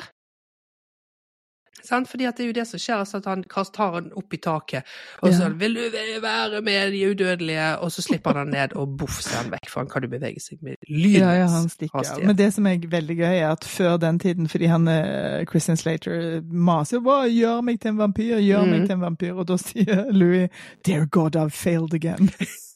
Så dette er jo åpenbart liksom eh, han, han, for, han har forsøkt å fortelle sitt, sitt uh, om eh, sitt liv til flere, og, og det, dette skjer hver eneste gang. Ja. At de bare Ja, det tenker jeg også. Hver gang når du forteller det på denne måten her. Ja. Sexy vampyrer i Paris og Du er så sexy. Ja, Vi vil være med. ja. Så, men Så han han- fillerister journalisten og stikker av. Ja. Og han pakker med seg eh, alle teipene sine og løper til en veldig kul rød sportsbil og kjører han av gårde. jo gårde. jo skremt, så klart. Ja. Journalisten, stakkar. Det er jo eh, Og kjører av gårde og, og liksom treffer noen andre biler og kommer seg ut på broen der, da. Den San Francisco-broen. Ja. Og, eh, og putter i en av de teipene, og det er en som hører igjen Louis sin stemme som forteller at det it was 1791. Eh, og plutselig er Lestat i bildet, og det, er, det husker jeg altså så godt fra kinoen. Det hadde jeg ikke sett komme Nei. i det hele tatt. Det var helt vekk for meg at det skulle skje. Å, det er så gøy. Det er så gøy. Og han er seg sjøl, fordi han sier Han tar da eh, Han angriper han, tar over Mm. rattet, og så ser han bort på, eh, på eh, journalisten som da ligger i passas- passasjersetet og sier 'Jeg skal gi deg et valg'. Fordi Ja, han har som- selvfølgelig fulgt med på alt dette, og vet da at, at denne, Ja. denne fyren er, er moden for uh, forvandling. Det er, og så står jo denne teipen på, og Lestat blir så sur. Så, Louis, Louis, still whining, Louie. så! Det er veldig gøy. Og så slår han av den teipen og slår på radioen, der det selvfølgelig er 'Sympathy for the Devil' med Stones. Og så elegant. Ja. Og så kjører han av gårde. Ja, for han kan jo kjøre bil plutselig. Nå, nå har jo han liksom Jeg vet ikke hva det er han har spist, hva som gjør at han fra å være kjemperedd for helikopter nå er Mission Impossible, liksom. Men eh, Ja, men det Det kan jo han. godt ha gått noen år, sant? fordi at den der scenen der, der de traff hverandre i du, huset det har du helt rett i. Det har Ja. det selvfølgelig. Sånn at han han funnet kan jo en ha måte liksom å feede på i mellomtiden og kommet seg ut og sånn. Ja, eventuelt så har ikke, så har ikke Louis fortalt sannheten. Det kan jo godt være at han, eh, Mm. at han ikke gikk Mm. fra, fra huset, men at eh, Lestat fikk noe hjelp på noen måte. Ja. Så han har, han har kommet seg. ja. Han he bounces back, for å si det sånn. Det Han er en, eh, så rart at ikke det ikke ble noen ordentlig oppfølger her. dette, og det var jo en suksess, filmen. Så, eh, Ja. Det så er det er veldig pussig. Mm. Der finnes det en historie som ikke vi kan eh, Det må jo Ja. være et eller annet, liksom.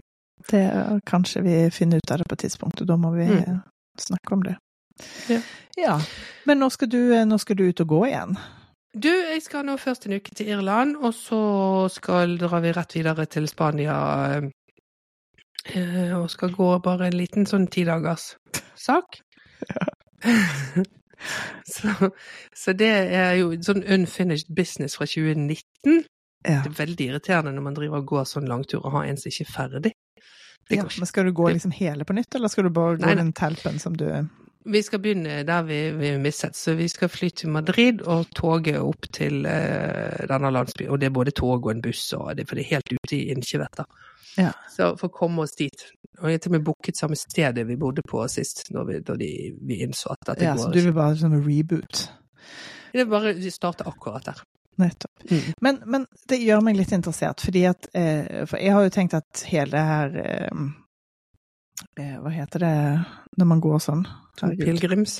Ja, pilegrimsgangen. Mm. At det liksom handler om prosessen mer enn resultatet. Mm. Men du virker jo ganske sånn opptatt av nettopp å liksom sjekke av de ulike rutene. Og hva, hva er liksom interessen for deg? Ja, jeg liker jo jeg, Du har helt rett i at det er prosessen. Jeg liker den prosessen i at det er langt, at det er liksom det der slitet, at du renser hodet veldig for veldig mye støy, da.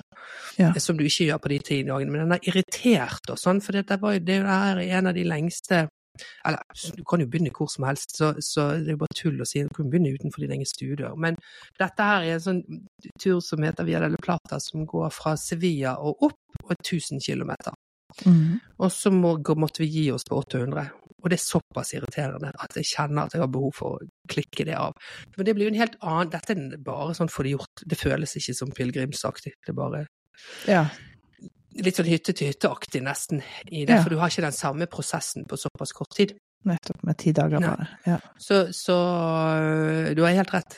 Det er Og jeg har tenkt lenge at ja, men kanskje vi bare skal la det der være. Men så Mm. dukket det opp et litt sånn hull i uh, timeplanen. Så da Men det er jo fint, da får man liksom lagt, lagt den ballen død. Ja. lagt den ballen død. Og det var så bittert òg den gangen i isen, men det var så mye snø, og det, jeg bare orket ikke.